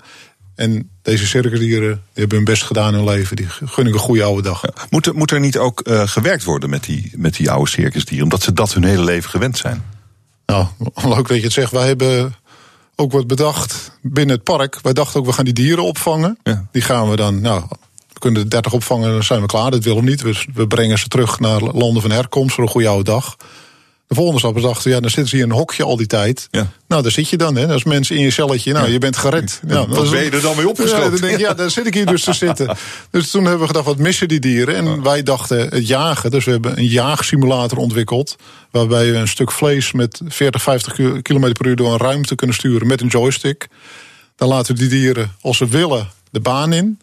Nou, de meeste dieren vinden het prachtig. Het is net een kat met een bolletje wol. Zo moet je het natuurlijk zien. Terwijl ze dat nooit hebben gedaan natuurlijk, jagen. Dat ging er met, bij de meesten gaat het meteen. Ja. En die gaan er achteraan. En toen dacht ik, ja, het is goed. Maar ja, roepen het is goed is natuurlijk altijd makkelijk. Dus we hebben twee jaar onderzoeken naar gedaan.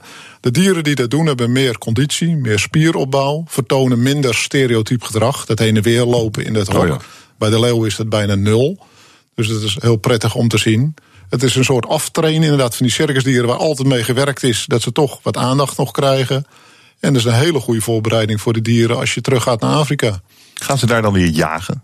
Nee, daar wordt dus op gevoerd. twee hectare heb je Ja, geen, geen, Als hert zou je dan weinig kans maken. nee. Nee, daar worden ze gewoon voerd met eh, stukken vlees. Ja. Ehm, we hadden het eerder in ons gesprek hadden we het over eh, dierentuinen en hoe, nou ja, hoe verschillende organisaties verschillend kijken naar, eh, naar wat ze doen. Eh, jullie zijn geen lid van welke samenwerkingsverband van dierentuinen dan ook. Niet in Nederland en niet in Europa. Hè? Nee, klopt. Waarom eigenlijk niet? Als je lid wordt van de dierentuinorganisatie, dan is er binnen die organisatie één of twee mensen zijn verantwoordelijk voor het plaatsen van een diersoort. Ja, ik wil graag die tijgers terug in Rusland hebben. EASA heeft een. De Europese dierentuinorganisatie. En ASA, de Amerikaanse organisatie, hebben een conflict met Rusland. In mijn optiek is dat persoonlijk. Tussen de mensen botert het niet helemaal. Terwijl iedereen eens is dat, het, dat die dieren, dat de kampen zijn klaar in Rusland om tijgers in te ontvangen, jongen te krijgen en de jongen terug te brengen uit het wild. Ik zou het zonde vinden als het project niet doorgaat, omdat er mensen strijd met elkaar hebben. Daar heb ik ook met ze over gesproken. En iedereen denkt er natuurlijk anders over. En dat hebben we natuurlijk in Gambia ook. Als ik leeuwen terug wil brengen, er is een mogelijkheid. Men wil de leeuw terug. We hebben nu raszuivere West-Afrikaanse leeuwen gedetermineerd. In Frankrijk zitten die. Als we die dieren heen kunnen brengen, dan gaat het echt gebeuren. Maar ik ben bang als ik lid word van zo'n club. dat we vaak, als clubs groter worden, gaan mensen heel veel praten. En er gebeuren er in mijn ogen minder dingen. En eh, dat is mijn zienswijze. En zij doen ook geweldige dingen hoor. Ja, ze brengt de Iberische links terug in Spanje. En daar mogen ze echt trots op zijn.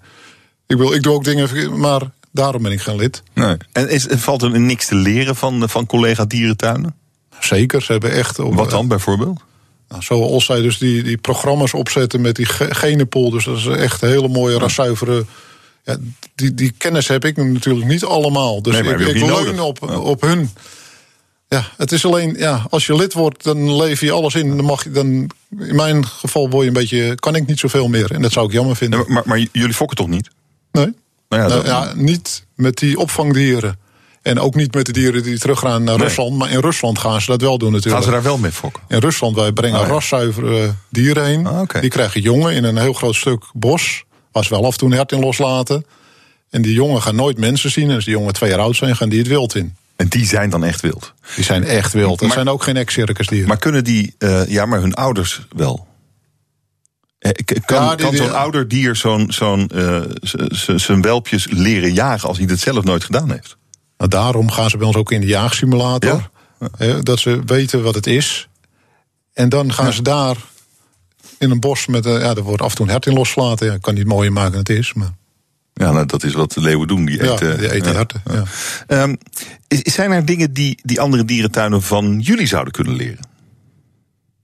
Nou, dat denk ik wel. Kijk, wij denken er anders over. En ik ben altijd erg voor communiceren. Daarom wil ik ook graag met die mensen blijven praten. Misschien moet ik ook lid worden. Ik ken een ander park in Engeland, de Aspinall Foundation. Die hebben gewoon op eigen houtje gorillas teruggebracht naar Afrika. Terwijl dat eigenlijk zij daar ook niet over gingen. En die hebben gezegd, wij gaan liever in die organisatie communiceren om dat te veranderen. Terwijl wij dat extern doen, dat vond ik ook wel een helder verhaal.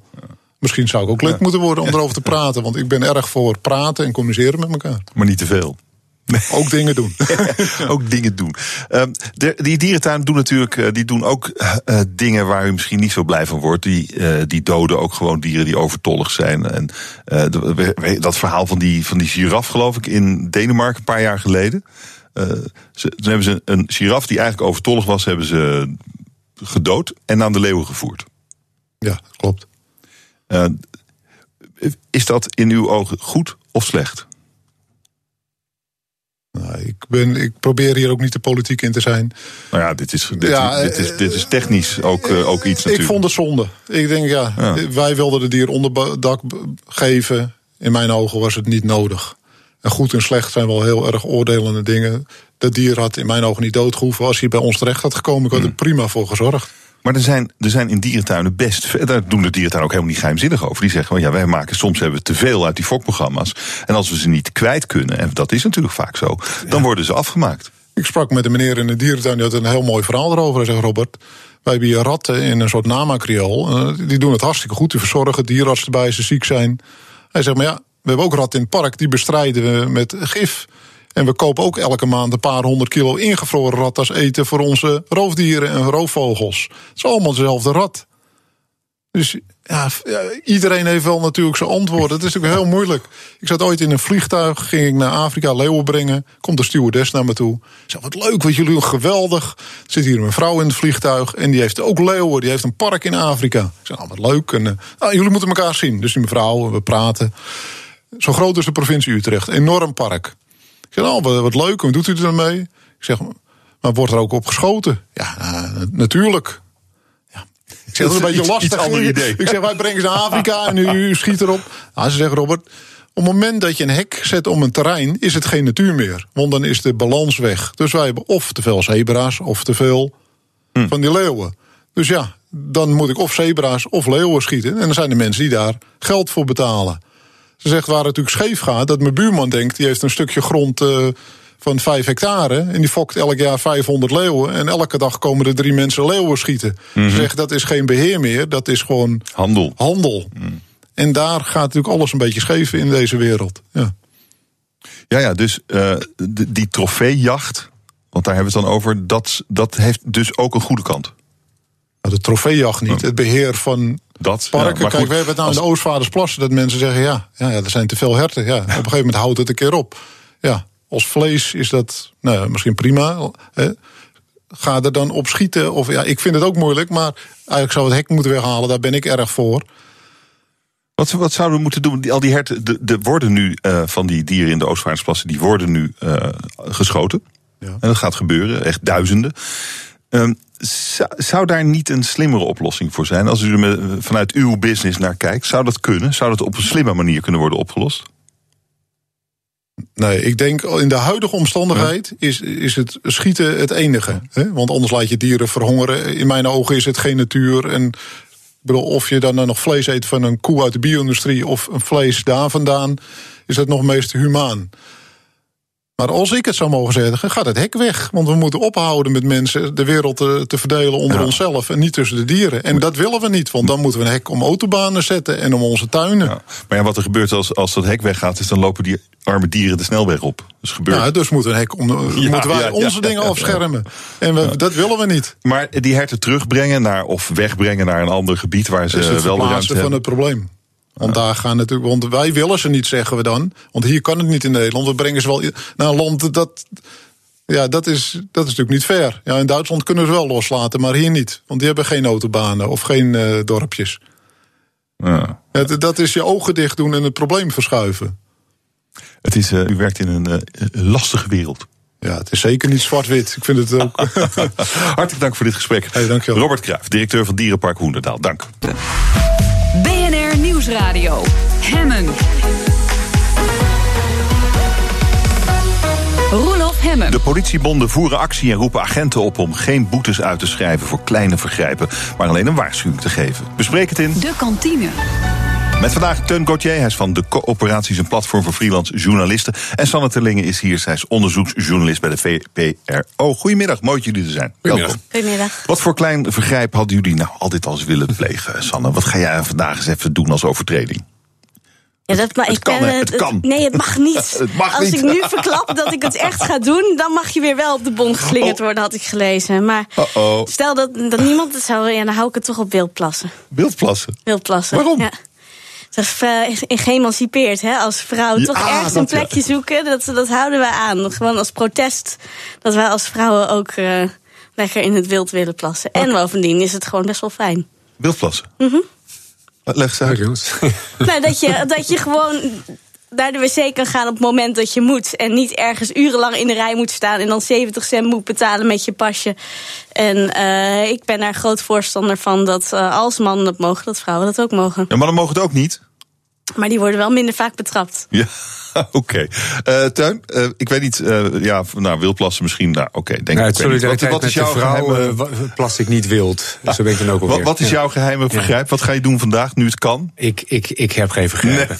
Nee. Ik heb geen vergrijpen. Dit- ik, ik sta erover na te denken, dit- wat- maar ik, ik zou ook niks Is dit, nou, is, dit nou, is dit nou een goede actie van die agenten? We gaan voor kleine dientjes gaan we geen bonnen uitschrijven. En dan noemen ze ook ergens, als je zonder licht fietst of zo, krijg je er überhaupt nog een boete Nee, voor. Boven, nee, nou ja, dus maar hoe- wat zegt ons dit? Nou ja, het is een, een manier van actie voeren. En, en, en, en die publieke diensten zijn natuurlijk altijd heel lastig. Als, als, als vuilnismannen gaan staken, dan hebben wij daar last van. Dus ik, dan, dan, dan moeten ze iets anders verzinnen. In dit geval voeren de politiemensen actie, wat prima is, dat mag natuurlijk ook. En daar hebben hun werkgevers last van, de, de overheid op dit moment. Eh, als, als werkgever en als inner van die geld. Dus ik vind het wel een mooie actie. Vind Vind je dat de agenten een punt hebben?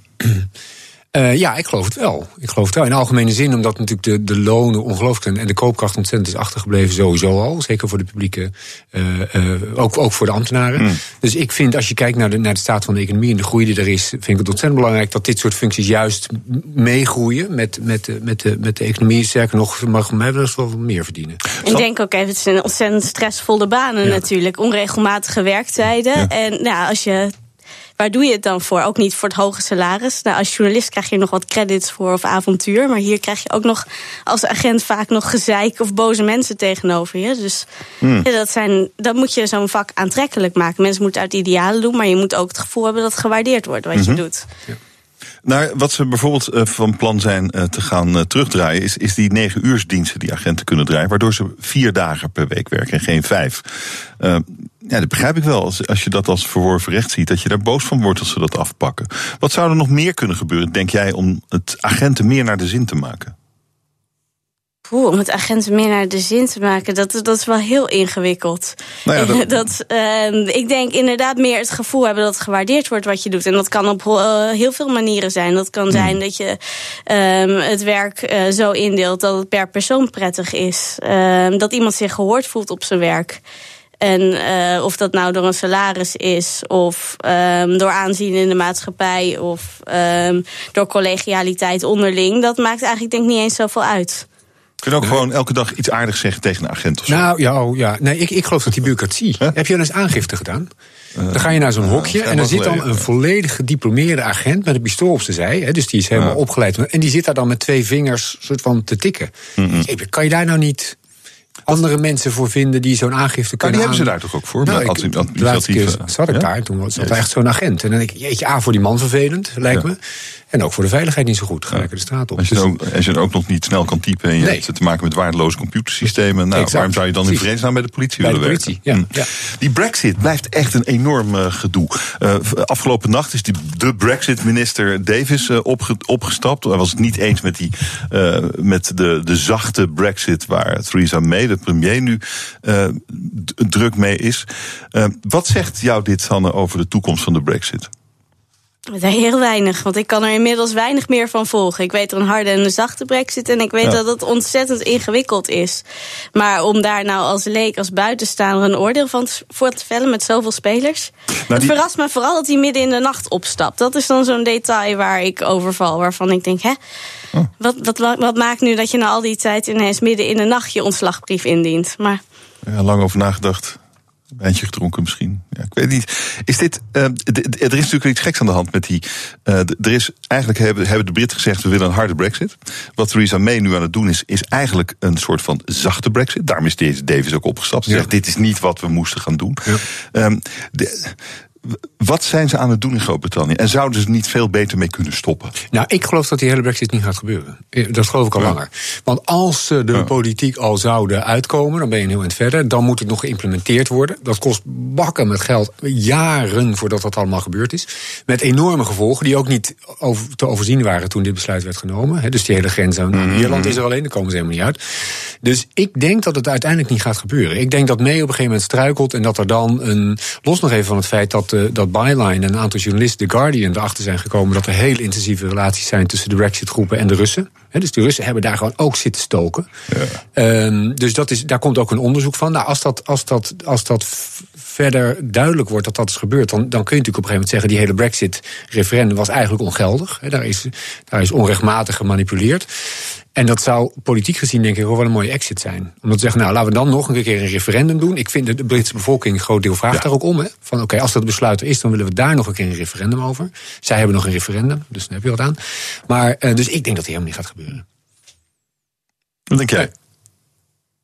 Ik kan me niet voorstellen hoe het wel gaat gebeuren. Maar ik had me ook niet kunnen voorstellen dat een zo grote meerderheid voor Brexit zou stemmen. Dus ik durf niet te zeggen hoe het gaat ik, aflopen. Ik geloof het verhangen is, er heeft gewoon een grote meerderheid voor Brexit gestemd. Een hele hoop mensen zijn opgejut, vals geïnformeerd. Indringend, vooropgezet, vals geïnformeerd. En een groot deel van de populatie had helemaal geen idee waar ze over stemden. Dus ik denk dat het hele besluit al verkeerd was en dat iedereen het ook wel weet. Maar dat politici kunnen dan niet omdraaien en zeggen, nee. jongens, weet je wat we doen. Dus ik denk dat May op een gegeven moment struikelt. En dan komt er een nieuwe premier. Johnson heeft al gezegd, ik blijf liever in Europa dan dat ik een soft breakfast heb. Waarmee hij eigenlijk twee dingen zegt. Ik wil, ik wil geen soft Brexit, Maar hij geeft ook ineens de optie. Hè, van, Dus ja, er is een dan optie om blijf ik liever. Ja, ja, oh, ja, nou, ja. misschien is dat dan ook wel weer Ja, ja, ja, ja, ja, voor de fijnproeven. Nou, wie weet. Ik heb eh, vanmorgen eh, de Volkskrant. eh, dat verhaal over die experimenteerwet met wiet, telen. zonder dat het strafbaar is. De regering wil kijken of dat kan. Is er een rechter. En die zegt: dit kan helemaal niet. Dit gaat leiden tot waanzinnig veel rechtszaken. Omdat andere telers van, eh, van cannabis zullen zeggen: van ja, als het daar mag, waar mag ik het dan niet? Ja. Nou, kijk je ja, erbij. Ja, ik verwacht een reactie. Wat je? Ik, eh, ik denk dat het hele probleem erin zit dat we aan de ene kant wiet helemaal willen legaliseren. Dat we al lang zien dat het gedoogbeleid, ehm, ook, dat er ook haken en ogen aan zitten. Maar dat we die stap niet durven te zetten. En dan verzinnen we een soort leuke tussenoplossingen. Zo van, nou, dan gaan we het gelegaliseerd legaliseren. En dan houden we het onder controle. Ehm, zonder weer stil te staan bij dat je daarmee weer nieuwe problemen creëert door het halfbak te doen. En dit is daar één voorbeeld van. Van welke teler mag dan wel wiet gaan telen en wie niet. En eh, wat nou als het wordt aangevochten. En wat betekent dat voor andere sectoren. Ja. Geestig. Het is natuurlijk best uitzonderlijk dat een rechter zich uitspreekt Zeer. over een voorliggende wet. Dat is geen kleinigheid en dat zal hij ook niet zomaar doen. Want dat- geeft natuurlijk aan dat het, dat het systeem faalt eigenlijk. Hè? Ik bedoel, we hebben een Kamer die hoort goede besluitvorming te nemen. We hebben een Eerste Kamer die dat nog eens een keer moet toetsen. Klopt dit allemaal? Dan hebben we eventueel de, de Raad van State die dat nog een keer toetst. En hier moet dus een rechter ingrijpen. Zeggen, jongens, jongens, dit kan helemaal niet wat hier gebeurt. Dus ik, ik vind dat het weer een teken is dat die, dat die, dat die politiek in zijn besluitvorming echt. ehm, en daar is iets aan schuiven hoor. Met het referendum wordt natuurlijk morgen over ge- gestemd in de Eerste Kamer. Dat is, dat is, dat is rechtsstatelijk. Is, of sorry, juridisch is dat echt een heel rare model wat daar gebeurd is. Ook, en, dan, en dan zie ik dus eigenlijk dat er, dat er iets mis aan het gaan is in de scheiding der machten. Als een rechter zich moet gaan uitspreken over een wet die nu wordt gemaakt door onze wetgevers, onze wetgevende macht, dan is iets niet goed. Er is, eh, het is zwaar weer bij de FNV-vakbond. Eh, 250 mensen eh, dreigen hun baan te verliezen omdat er bezuinigd moet worden. Dus vakbond gaat eh, ja, mensen eruit gooien. Het, eh, ook niet zo gek, want de afgelopen jaren zijn er alleen maar minder leden gekomen. En de leden die er zijn, die zijn oud. Dus dat aantal zal nog verder afnemen en wel snel ook. Is dit het einde van de vakbond? Wat denken jullie? Ik geloof het wel. Ja. En dat is dan weer zo'n typisch voorbeeld van mensen die stoomlocomotieven maakten. En niet door hadden dat de wereld veranderde en lekker door bleven gaan met stoomlocomotieven maken. De wereld is natuurlijk echt anders. We hebben een miljoen ZZP'ers. En daar hebben de vakbonden zich natuurlijk nooit, nooit echt een, een antwoord op kunnen vinden. Ehm, dus, dus dan, ja, dan zakken je leden in elkaar. Alleen daardoor al, natuurlijk deels door leeftijd, jongeren willen niet meer lid worden. Alhoewel ze nog steeds 3.500 leden per week erbij krijgen. Dat las ik. Denk, nou, dat is best ook wel weer veel. Eh, maar er vallen er meer af. Dus ze hebben geen antwoord gehad op die veranderende tijden. Ja, en dan ga je onderuit. En als de vakbond dan ophoudt te bestaan. Kijk, de vakbond heeft natuurlijk wel een paar, een paar belangrijke taken. Bijvoorbeeld in het maken van cao's en dat ja, soort dingen. maar dat vind ik een hele dubieuze taak, want daarmee vertegenwoordigen ze jou en mij ook. Ja. Zij zitten namens de werkende Nederlander aan tafel te onderhandelen. Ja, wie, is die, wie is hun achterban? Dat is de, de, de, de, mensen in vaste dienst van gemiddeld hogere leeftijd. Dus, dus in, die, in die driehoek, of in, in het polderoverleg waar zij een belangrijke. eh, opereren zij natuurlijk zonder mandaat. Mijn mandaat hebben ze niet in ieder Maar je zag, bij, hoe, je zag hoe het bij Jumbo ging. Daar sloot de directie gewoon een, eh, een arbeidsvoorwaardenakkoord met het personeel. De bonden buitenspel. Interessant. Ben jij lid van een vakbond, Sanne? Ja, ik ben nog sinds mijn 25e lid van de NVJ. En daar zit natuurlijk in gevoelsmatig, denk ik, een klein verschil in. Want als je het gaat hebben over medewerkers van een groot bedrijf, dan heb je het natuurlijk helemaal variërend van eh, managers tot, eh, nou ja, als je het over de fabriek hebt, fabrieksarbeider, bij wijze van spreken, waar je de vakbond vaak toch nog mee associeert. En de NVA is natuurlijk ook heel erg een bepaalde beroepsgroep. Die, eh, dus ik ben niet lid voor de CAO-onderhandelingen, helemaal niet. Ik doe ook mijn eigen salarisonderhandelingen gewoon op mijn eigen manier en zelf. Ehm, maar ik vind het wel fijn dat er een organisatie is die achter me staat als er beroepsgerelateerde problemen zijn. ben bijvoorbeeld een keer aangeklaagd. Dan is het heel fijn als er een beroepsorganisatie is Ja. eh, die, je van, die je advies kunt geven of die eh, zich wil uitspreken over jouw zaak. Ja. Dat, En misschien is dat, is dat wel eh, een toekomst voor vakbonden. Absoluut. Teun, jij met de coöperatie. Ja. Eh, ja, je bent geen vakbond natuurlijk. Maar eh, je zou delen van die rol kunnen overnemen. Misschien doe je dat wel al. Nou ja, wat ik, wat ik tegen NVJ heb, die ik ontzettend waardeer overigens, uh, juist vanwege wat Sander zegt, maar heb gezegd, je, moet, je hebt een groot deel van, jou, van jouw leden zullen zelfstandig zijn, freelancers. Um, dus die hoef je niet meer in die CEO te vertegenwoordigen, maar die moet je gaan ondersteunen in hun werk. En gaan ook diensten leveren. Zorg dat ze samen kunnen werken op werkplekken. Zorg dat ze verzekerd zijn op een goede hm. manier. Blablabla. Nou, ja, daar heb ik intensief met ze over gepraat. En dan zie je dat, zo dat het toch heel lastig is voor zo'n organisatie om dat echt te gaan doen. Dus hebben wij dat gedaan dat deel. Verder zijn wij helemaal geen vakbond. We doen er geen collectieve onderhandelingen, dat doen we niet. Maar we, we zorgen wel dat, dat, dat, dat freelancers uh, economisch autonoom worden. Dat is nee, het verlengstuk is natuurlijk dat jullie wel arbeidsomstandigheden eigenlijk regelen. Alleen dan niet het salaris, maar juist dat deel eromheen. Ja, ja. Ik weet niet. Ik denk dat het te laat is voor FNV om dat model over te nemen. Ja, ja, ja, ik het ook. Denk je als militair een trainingsrondje te rennen, verklap je in één keer gevoelige informatie die zelfs missies in gevaar kan brengen. We bespreken het zo in de kant. BNR Nieuwsradio. Hemmen. Je luistert naar de kantine. Wij hebben het over het nieuws van de dag. En dat gaat Geert-Jan Haan straks ook doen in Ask Me Anything. Waar gaat het over, Geert-Jan? Het gaat over het gebruik van sport- en fitness-apps. Oh ja. Heeft allemaal te maken met de ophef bij Defensie, waar uh, militairen hun hardlooprondje rond de compound doen. Um, en dat die uh, informatie makkelijk uh, te achterhalen valt. Was een paar maanden terug ook al wat over naar buiten gekomen. Die andere app. Ja, toen was er een Australische student van 20 die dat even ontdekt had. En nu wordt het toch wel een grote zaak. Maar wij gaan in Ask Me Anything het ook hebben over wat jij en ik hebben aan die sport- en fitness-apps. En of dat wel zin heeft zonder een voedingsapp. of het tot blessures leidt. Wat zijn nou echt de voordelen ervan? En Johan Cruijff zou zeggen, elk nadeel heeft zijn voordeel. Dus misschien is er toch wat van te maken. Heb jij zo'n app of een wearable die je gebruikt? Nou, ze maakt, Polar maakte vroeger hartslagmeters. Ja. Punt. en die, en die had ik, daar had ik er een van. Ik ben, ik ben afgehaakt bij de apps. Nou, eh, sportdata is ontzettend veel geld waard ja. tegenwoordig. En misschien wordt België wel de eerste wereldkampioen voetbal. met dank aan een sportdatabedrijfje uit Enschede. Dus er is een hele grote wereld waar we het over gaan hebben.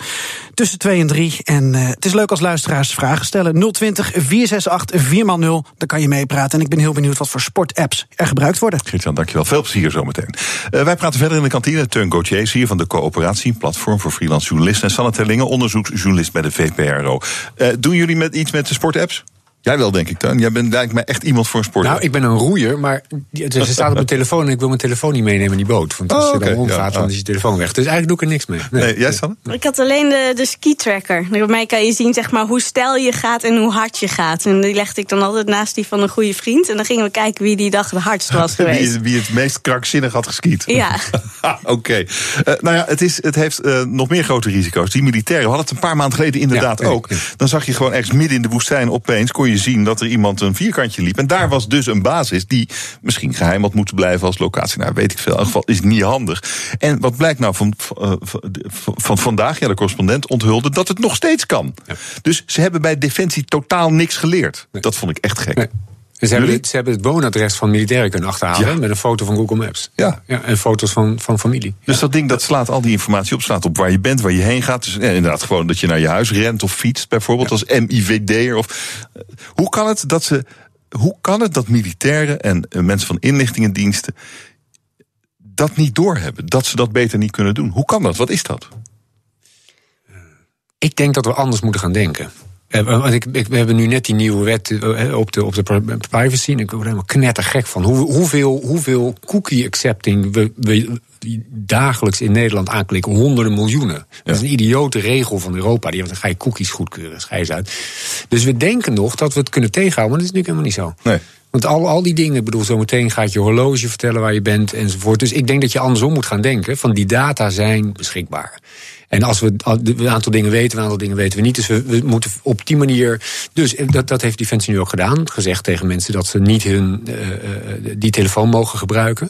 Hun, hun professionele mm, telefoon bijvoorbeeld. En dat ja. soort dingen. Uh, dus ik denk, ik denk dat we ons gewoon moeten gaan realiseren van de wereld is nu open en alles is zichtbaar. In plaats van te proberen het tegen te houden. Ja, maar dat betekent dus nog steeds dat die militairen die hadden, die hadden kunnen moeten weten dat wat ze allemaal prijsgeven met, zo, met het gebruik van zo'n app. Ja, maar dat zit natuurlijk helemaal niet alleen in, in de fitness-apps of in de hardloop-apps. Nee. Het zit ook in alle andere apps. Misschien wel je restaurant-app die je locatievoorzieningen doorgeeft. Tuurlijk, hiermee kan je nog net iets duidelijker iemands hele route uh, in kaart brengen. Mm. Maar op het moment dat hij een keer Google Maps gebruikt, Ehm, Oh ja. En daar zit een lek in. Nou, dan heb je ook weer een probleem met locatievoorzieningen. Dus de, al die apps op je telefoon geven op een andere manier locatievoorzieningen door. En wie weet ehm, welke app volgende keer weer, als we ernaar gaan kijken met journalisten, ehm, weer een lek heeft. Het, eh, het zit overal in. En ik denk ook eventjes, volgens mij was het 2009, dat ehm, directeur van de MIVD nog gewoon op Hive zette wanneer die een tripje naar het Midden-Oosten had. Dus in die zin is eh, die hele nieuwe technologie en, en hoe mensen daarnaar bewust kunnen gaan kijken als ze gaan zoeken, ehm, zijn ze al een stuk verder gekomen dat ze nu zeggen dat je je telefoon niet moet meenemen met hardlopen. Maar en, en de gedachte van Teun is natuurlijk interessant. Je, je hoort het ook vaker dat mensen zeggen, ook met de beveiliging tegen cybercrime. Misschien moeten we dat niveau niet 100% willen laten zijn. Misschien moeten we accepteren dat we kwetsbaar zijn. Dat is eigenlijk ook wat jij Nou zegt. ja, precies, want dan ga je er ook, dan kun je ook het mitigeren, dan kun je het voor zijn. Dan zeg je, oké, we weten dat het mogelijk is. Hè, want nu was de, de, de persgroep, er zijn 350.000 adressen gestolen met bankgegevens. Die zijn al helemaal overvallen, wat kon niet, want, want het zat dicht. Nee, het zit niet dicht. Dus hou er nou maar gewoon rekening mee dat dat gebeurt, eigenlijk. En zorg dan dat je goed acteert en, enzovoort. Dus ik geloof dat we in die zin een, een, wel een omslag... Want dan weten we natuurlijk nog niet eens wat er allemaal in die telefoon zit. Ik heb een Huawei, een Chinese telefoon. Nou... Hebben de Chinese geheime dienst natuurlijk echt wel één of twee dingen in zitten peuren. Als ze Teun Gauthier intypen, dan Ja, kunnen ze alles van jou zien. Ja, dan weten ze alles. Ja, ja, denk, denk, je, denk je dat echt? Ik, ik ben ik totaal van overtuigd. Dat de geheime dienst van Huawei een staatsbedrijf natuurlijk. Ze zeggen, nou, als jullie toch bezig zijn om een paar honderd miljoen telefoontoestellen Mhm. in de westerse landen te verkopen, doe dit chipje er dan even in. En zou dat in, eh in westerse eh, telefoons dan niet het geval Absoluut, zijn? Zouden... absoluut, absoluut. Apple vergaat natuurlijk allerlei data uit, Ja, uit die ja. gegevens. Eh, ik, ik denk dat er, dat er elementen in zitten waarmee ze remote uit te zetten zijn. Ik, ik denk dat, dat Huawei iets heeft waarmee ze, in, als het een keer nodig is, op een knop kunnen drukken en alle Huawei-telefoons kunnen Ja? uitzetten. Ja, ik denk dat dat. Ik, ik zou dat doen. Als, ik- als En ik- zit dat ook eh, in Apple, denk je? ja, absoluut. Totaal van overtuigd. Waarom zou je de telefoon uit willen zetten op afstand? Eh, in het geval van een groot conflict, je groot communicatie conflict wil, landen dat- leggen. Ja, dat je in een bepaalde regio alle communicatie plat wil leggen. Ja, kom. Ik bedoel, die geheime diensten hebben dit natuurlijk al lang bedacht. Als jij en ik daar zouden zitten, dan zouden we dit bedenken. Dan ga je met Apple praten. "Jongen, wij willen dit er graag in. Ja, maar Apple zegt dan eh, nee. Apple Hoop ik. nou, Apple, Apple en, en Facebook Oh. hebben nogal wat ja gezegd tegen heel veel dingen, NSA en dat soort dingen. Dus volgens mij is er meer ja gezegd dan nee. Eh, Oké, ja, ja, misschien dus- overdrijf het is een ik, mooie, maar ik- mooie ik, wereld. ik denk hè? altijd, als ik daar zou zitten, dan zou ik eh, dat zo regelen. Eh, afgelopen weekend hebben, hebben de, de leden van de groep We Are Here, dat zijn vluchtelingen, migranten, die hier zijn, maar hier eigenlijk niet mogen zijn, maar dus ook niet opgevangen worden, dus geen huis hebben, dus een huis gaan kraken. Dat is wat ze doen, We Are Here. Ze hebben nu weer een nieuw pand gekraakt, Sanne. Ehm, en jou steekt iets aan dit verhaal. Wat is dat? De berichtgeving in de Telegraaf die steekt mij. Als ik de koppen daar zag van eh, de krakers zijn weer bezig geweest. ehm, splintergroepering. Nee, de termen die worden gebruikt is alsof het om een groep zware criminelen gaat. Ehm, en inderdaad mensen die hier illegaal zijn en die niet weg willen. En ik heb met een aantal mensen van die groepen ehm, verhalen gemaakt. Die ben ik tegengekomen in de verhalen die ik maakte. En naar hun dossiers gekeken. En er zat, ehm, ik kan een voorbeeld niet heel precies geven vanwege privacy. Maar dan heb je bijvoorbeeld iemand die of uit land eh, A komt, laat ik zeggen Eritrea, of uit land B, Ethiopië. En ehm, dan waren er omstandigheden waarin ze. Maakte niet uit of ze uit Eritrea kwam of uit Ethiopië kwam. In beide gevallen had ze recht op asiel. Maar omdat ze niet kan bewijzen of ze uit Eritrea komt of uit Ethiopië komt, zegt ze ja, maar dan kunnen we dus niet kiezen welk land we u in een, in een vakje moeten indelen. Dus eh, wordt u uit de procedure gegooid. Dus je hebt mensen die eigenlijk Mhm. vastlopen op de bureaucratie van de IND, die wel degelijk recht zouden hebben eh, op asiel. Als je er gewoon goed naar kijkt.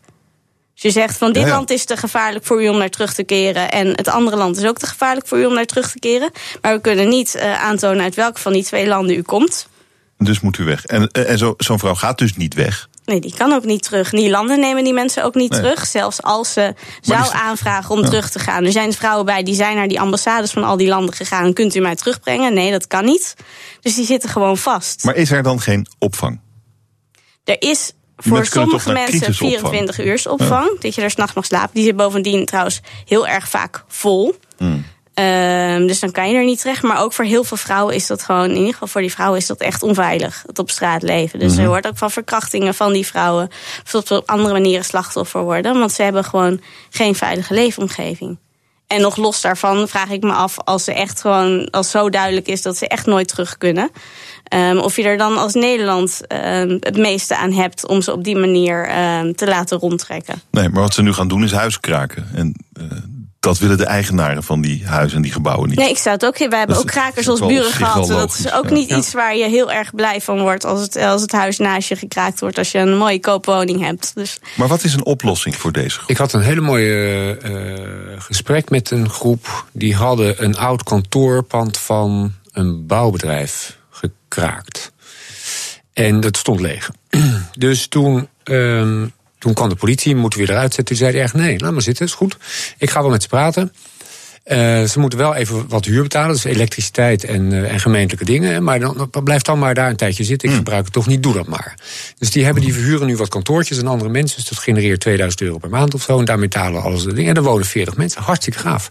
Dus ik denk ook, misschien moeten we eens wat verder denken om steeds naar die overheid te kijken. Misschien kan je ook als eigenaar van een pand zeggen: joh, ik heb dat, het staat toch leeg. Ik, ik, ik, ik, ik, ik regel dat wel. Ik vond dit een hele mooie geste van die man. Dat is echt goed. Dan doe je eigenlijk eh, krakers als kraakwacht. Ja, kan toch? Maak je goede afspraken mee. Die Ja. zorgen ook voor Ja. dat pand. Hebben dus hun pand, ze huren dat ook. Het zit, staat er hartstikke mooi bij. Ze organiseren daar dingen. Het was echt hartstikke leuk. En waarom doen we dat dan niet? Ja, ik denk omdat we in Nederland leven waar we altijd naar de overheid kijken om alles op te lossen. Ehm, Maar dat is helemaal niet nodig. Je kan dit, we kunnen dit gewoon samen oplossen. Want hoeveel mensen gaat het nou om? En, hoe, Ja, en er staat nog tientallen, steeds, denk ik. Ja, tientallen zeg. Kom op. nou ja, van, van We Are Here. In totaal zijn er wel meer mensen in dit soort situaties. Ja, maar we hebben ook Maar die horen we niet. 700.000 vierkante meter kantoorruimte leeg staan op dit moment. Dan kan je toch zeggen, joh, dat regelen we met elkaar. Dat lossen we gewoon op. Hartstikke Nou ja, leuk. eh, eh, onderaan, de, onderaan de streep moeten die mensen natuurlijk weg eigenlijk van het systeem. Dus eh, dan is het wel weer logisch dat het systeem zegt, nou ja, jullie moeten weg, we doen niks voor jullie. Ja, hulp maar illegale is ook strafbaar gemaakt. Hè? Dus dat maakt het ook. eh was in Ja. de beginperiode van We Are Here. Al die mensen die die groep gingen helpen, die werden daar ook echt op aangesproken. Ja, Maar ja. illegale Maar ik- laten overnachten is straf. Ja, maar ik denk, ik, ik zeg altijd, wij zijn uiteindelijk de baas. Eh, wij als burgers. Dus dan zeg ik, joh, dat zal me wel. Maar ik heb hier een pand en ik regel dat met deze mensen. En die, die, die, die, die, die klussen ook voor mij. Nou, dat mag dan weer niet. Nee, ik, ja, maar dan, dan- geef, geef nou eens wat meer ruimte. Dan lost die gemeenschap dat wel op. Dus een Rotterdamse familie Ja, nee, die maar- heeft huizen gekocht voor vluchtelingen. Een dorp in Friesland hebben met z'n allen een huis gekocht. Heel huis gekocht, drie ton geloof ik. En er wonen nu eh, 16 vluchtelingen. Hebben ze met z'n allen gedaan. Die gemeenschap. en juist als je wel natuurlijk een wederdienst mag vragen, dat je zegt jullie knappen het helemaal op. Dan zijn veel meer mensen ook geneigd om in zo'n idee mee te gaan. Ja, maar het zijn mensen die er dus niet mogen zijn. Althans, niet in Nederland. Nee, Dat maar is- dat is natuurlijk het- het ja, probleem. Maar ja, Ja. Dat, dat is dan weer zo'n rare regel. Want deze Maar ja, het is mevrouw geen kan rare niet regel. terug. Ja, nou, in dit geval wel. Ja. ja, maar zo zijn er heel veel. Kijk, iemand die terug kan, dat Oekraïense gezin gaat mij te ver. Jongens, 17 jaar, drie jonge kinderen, zijn nog nooit in het land geweest. Laat die lekker hier, joh, kom op. Wat hebben we er nou voor last van? Wie, wie leidt daar nou onder? En dan zet ze om half zeven s ochtends van hun bed gelicht. Ze mochten hun knuffels niet meenemen. Dat vind ik echt nergens op slaan. Maar, dat was maar dus, dus, dus, ehm, dus ik denk dat we veel meer ruimte hebben om dingen op te lossen. En de mensen die terug moeten, die moeten gewoon terug. En terug kunnen. hè. Er zijn heel veel Marokkaanse mensen die dan hier asiel aanvragen. terwijl ze weten dat dat niet kan. Ja, hallo, die zetten we gewoon terug. Jongens, je moet de kantine gaan, eh, gaan dichtgooien. Het is Fijn dat jullie er Ja, wij waren. kletsen nog even verder. Eh, eh, Kletsen jullie nog gezellig even verder. Teun Gauthier van de coöperatie en Sanne Tellingen van de VPRO. Dank jullie zeer. Dit was het voor vandaag. Morgen ben ik er natuurlijk weer. Dan is Ralf Keuning mijn gast. Hij is de directeur van Museum De Fundatie. Dat morgen. Nu Geert-Jan Haan met Ask Me Anything.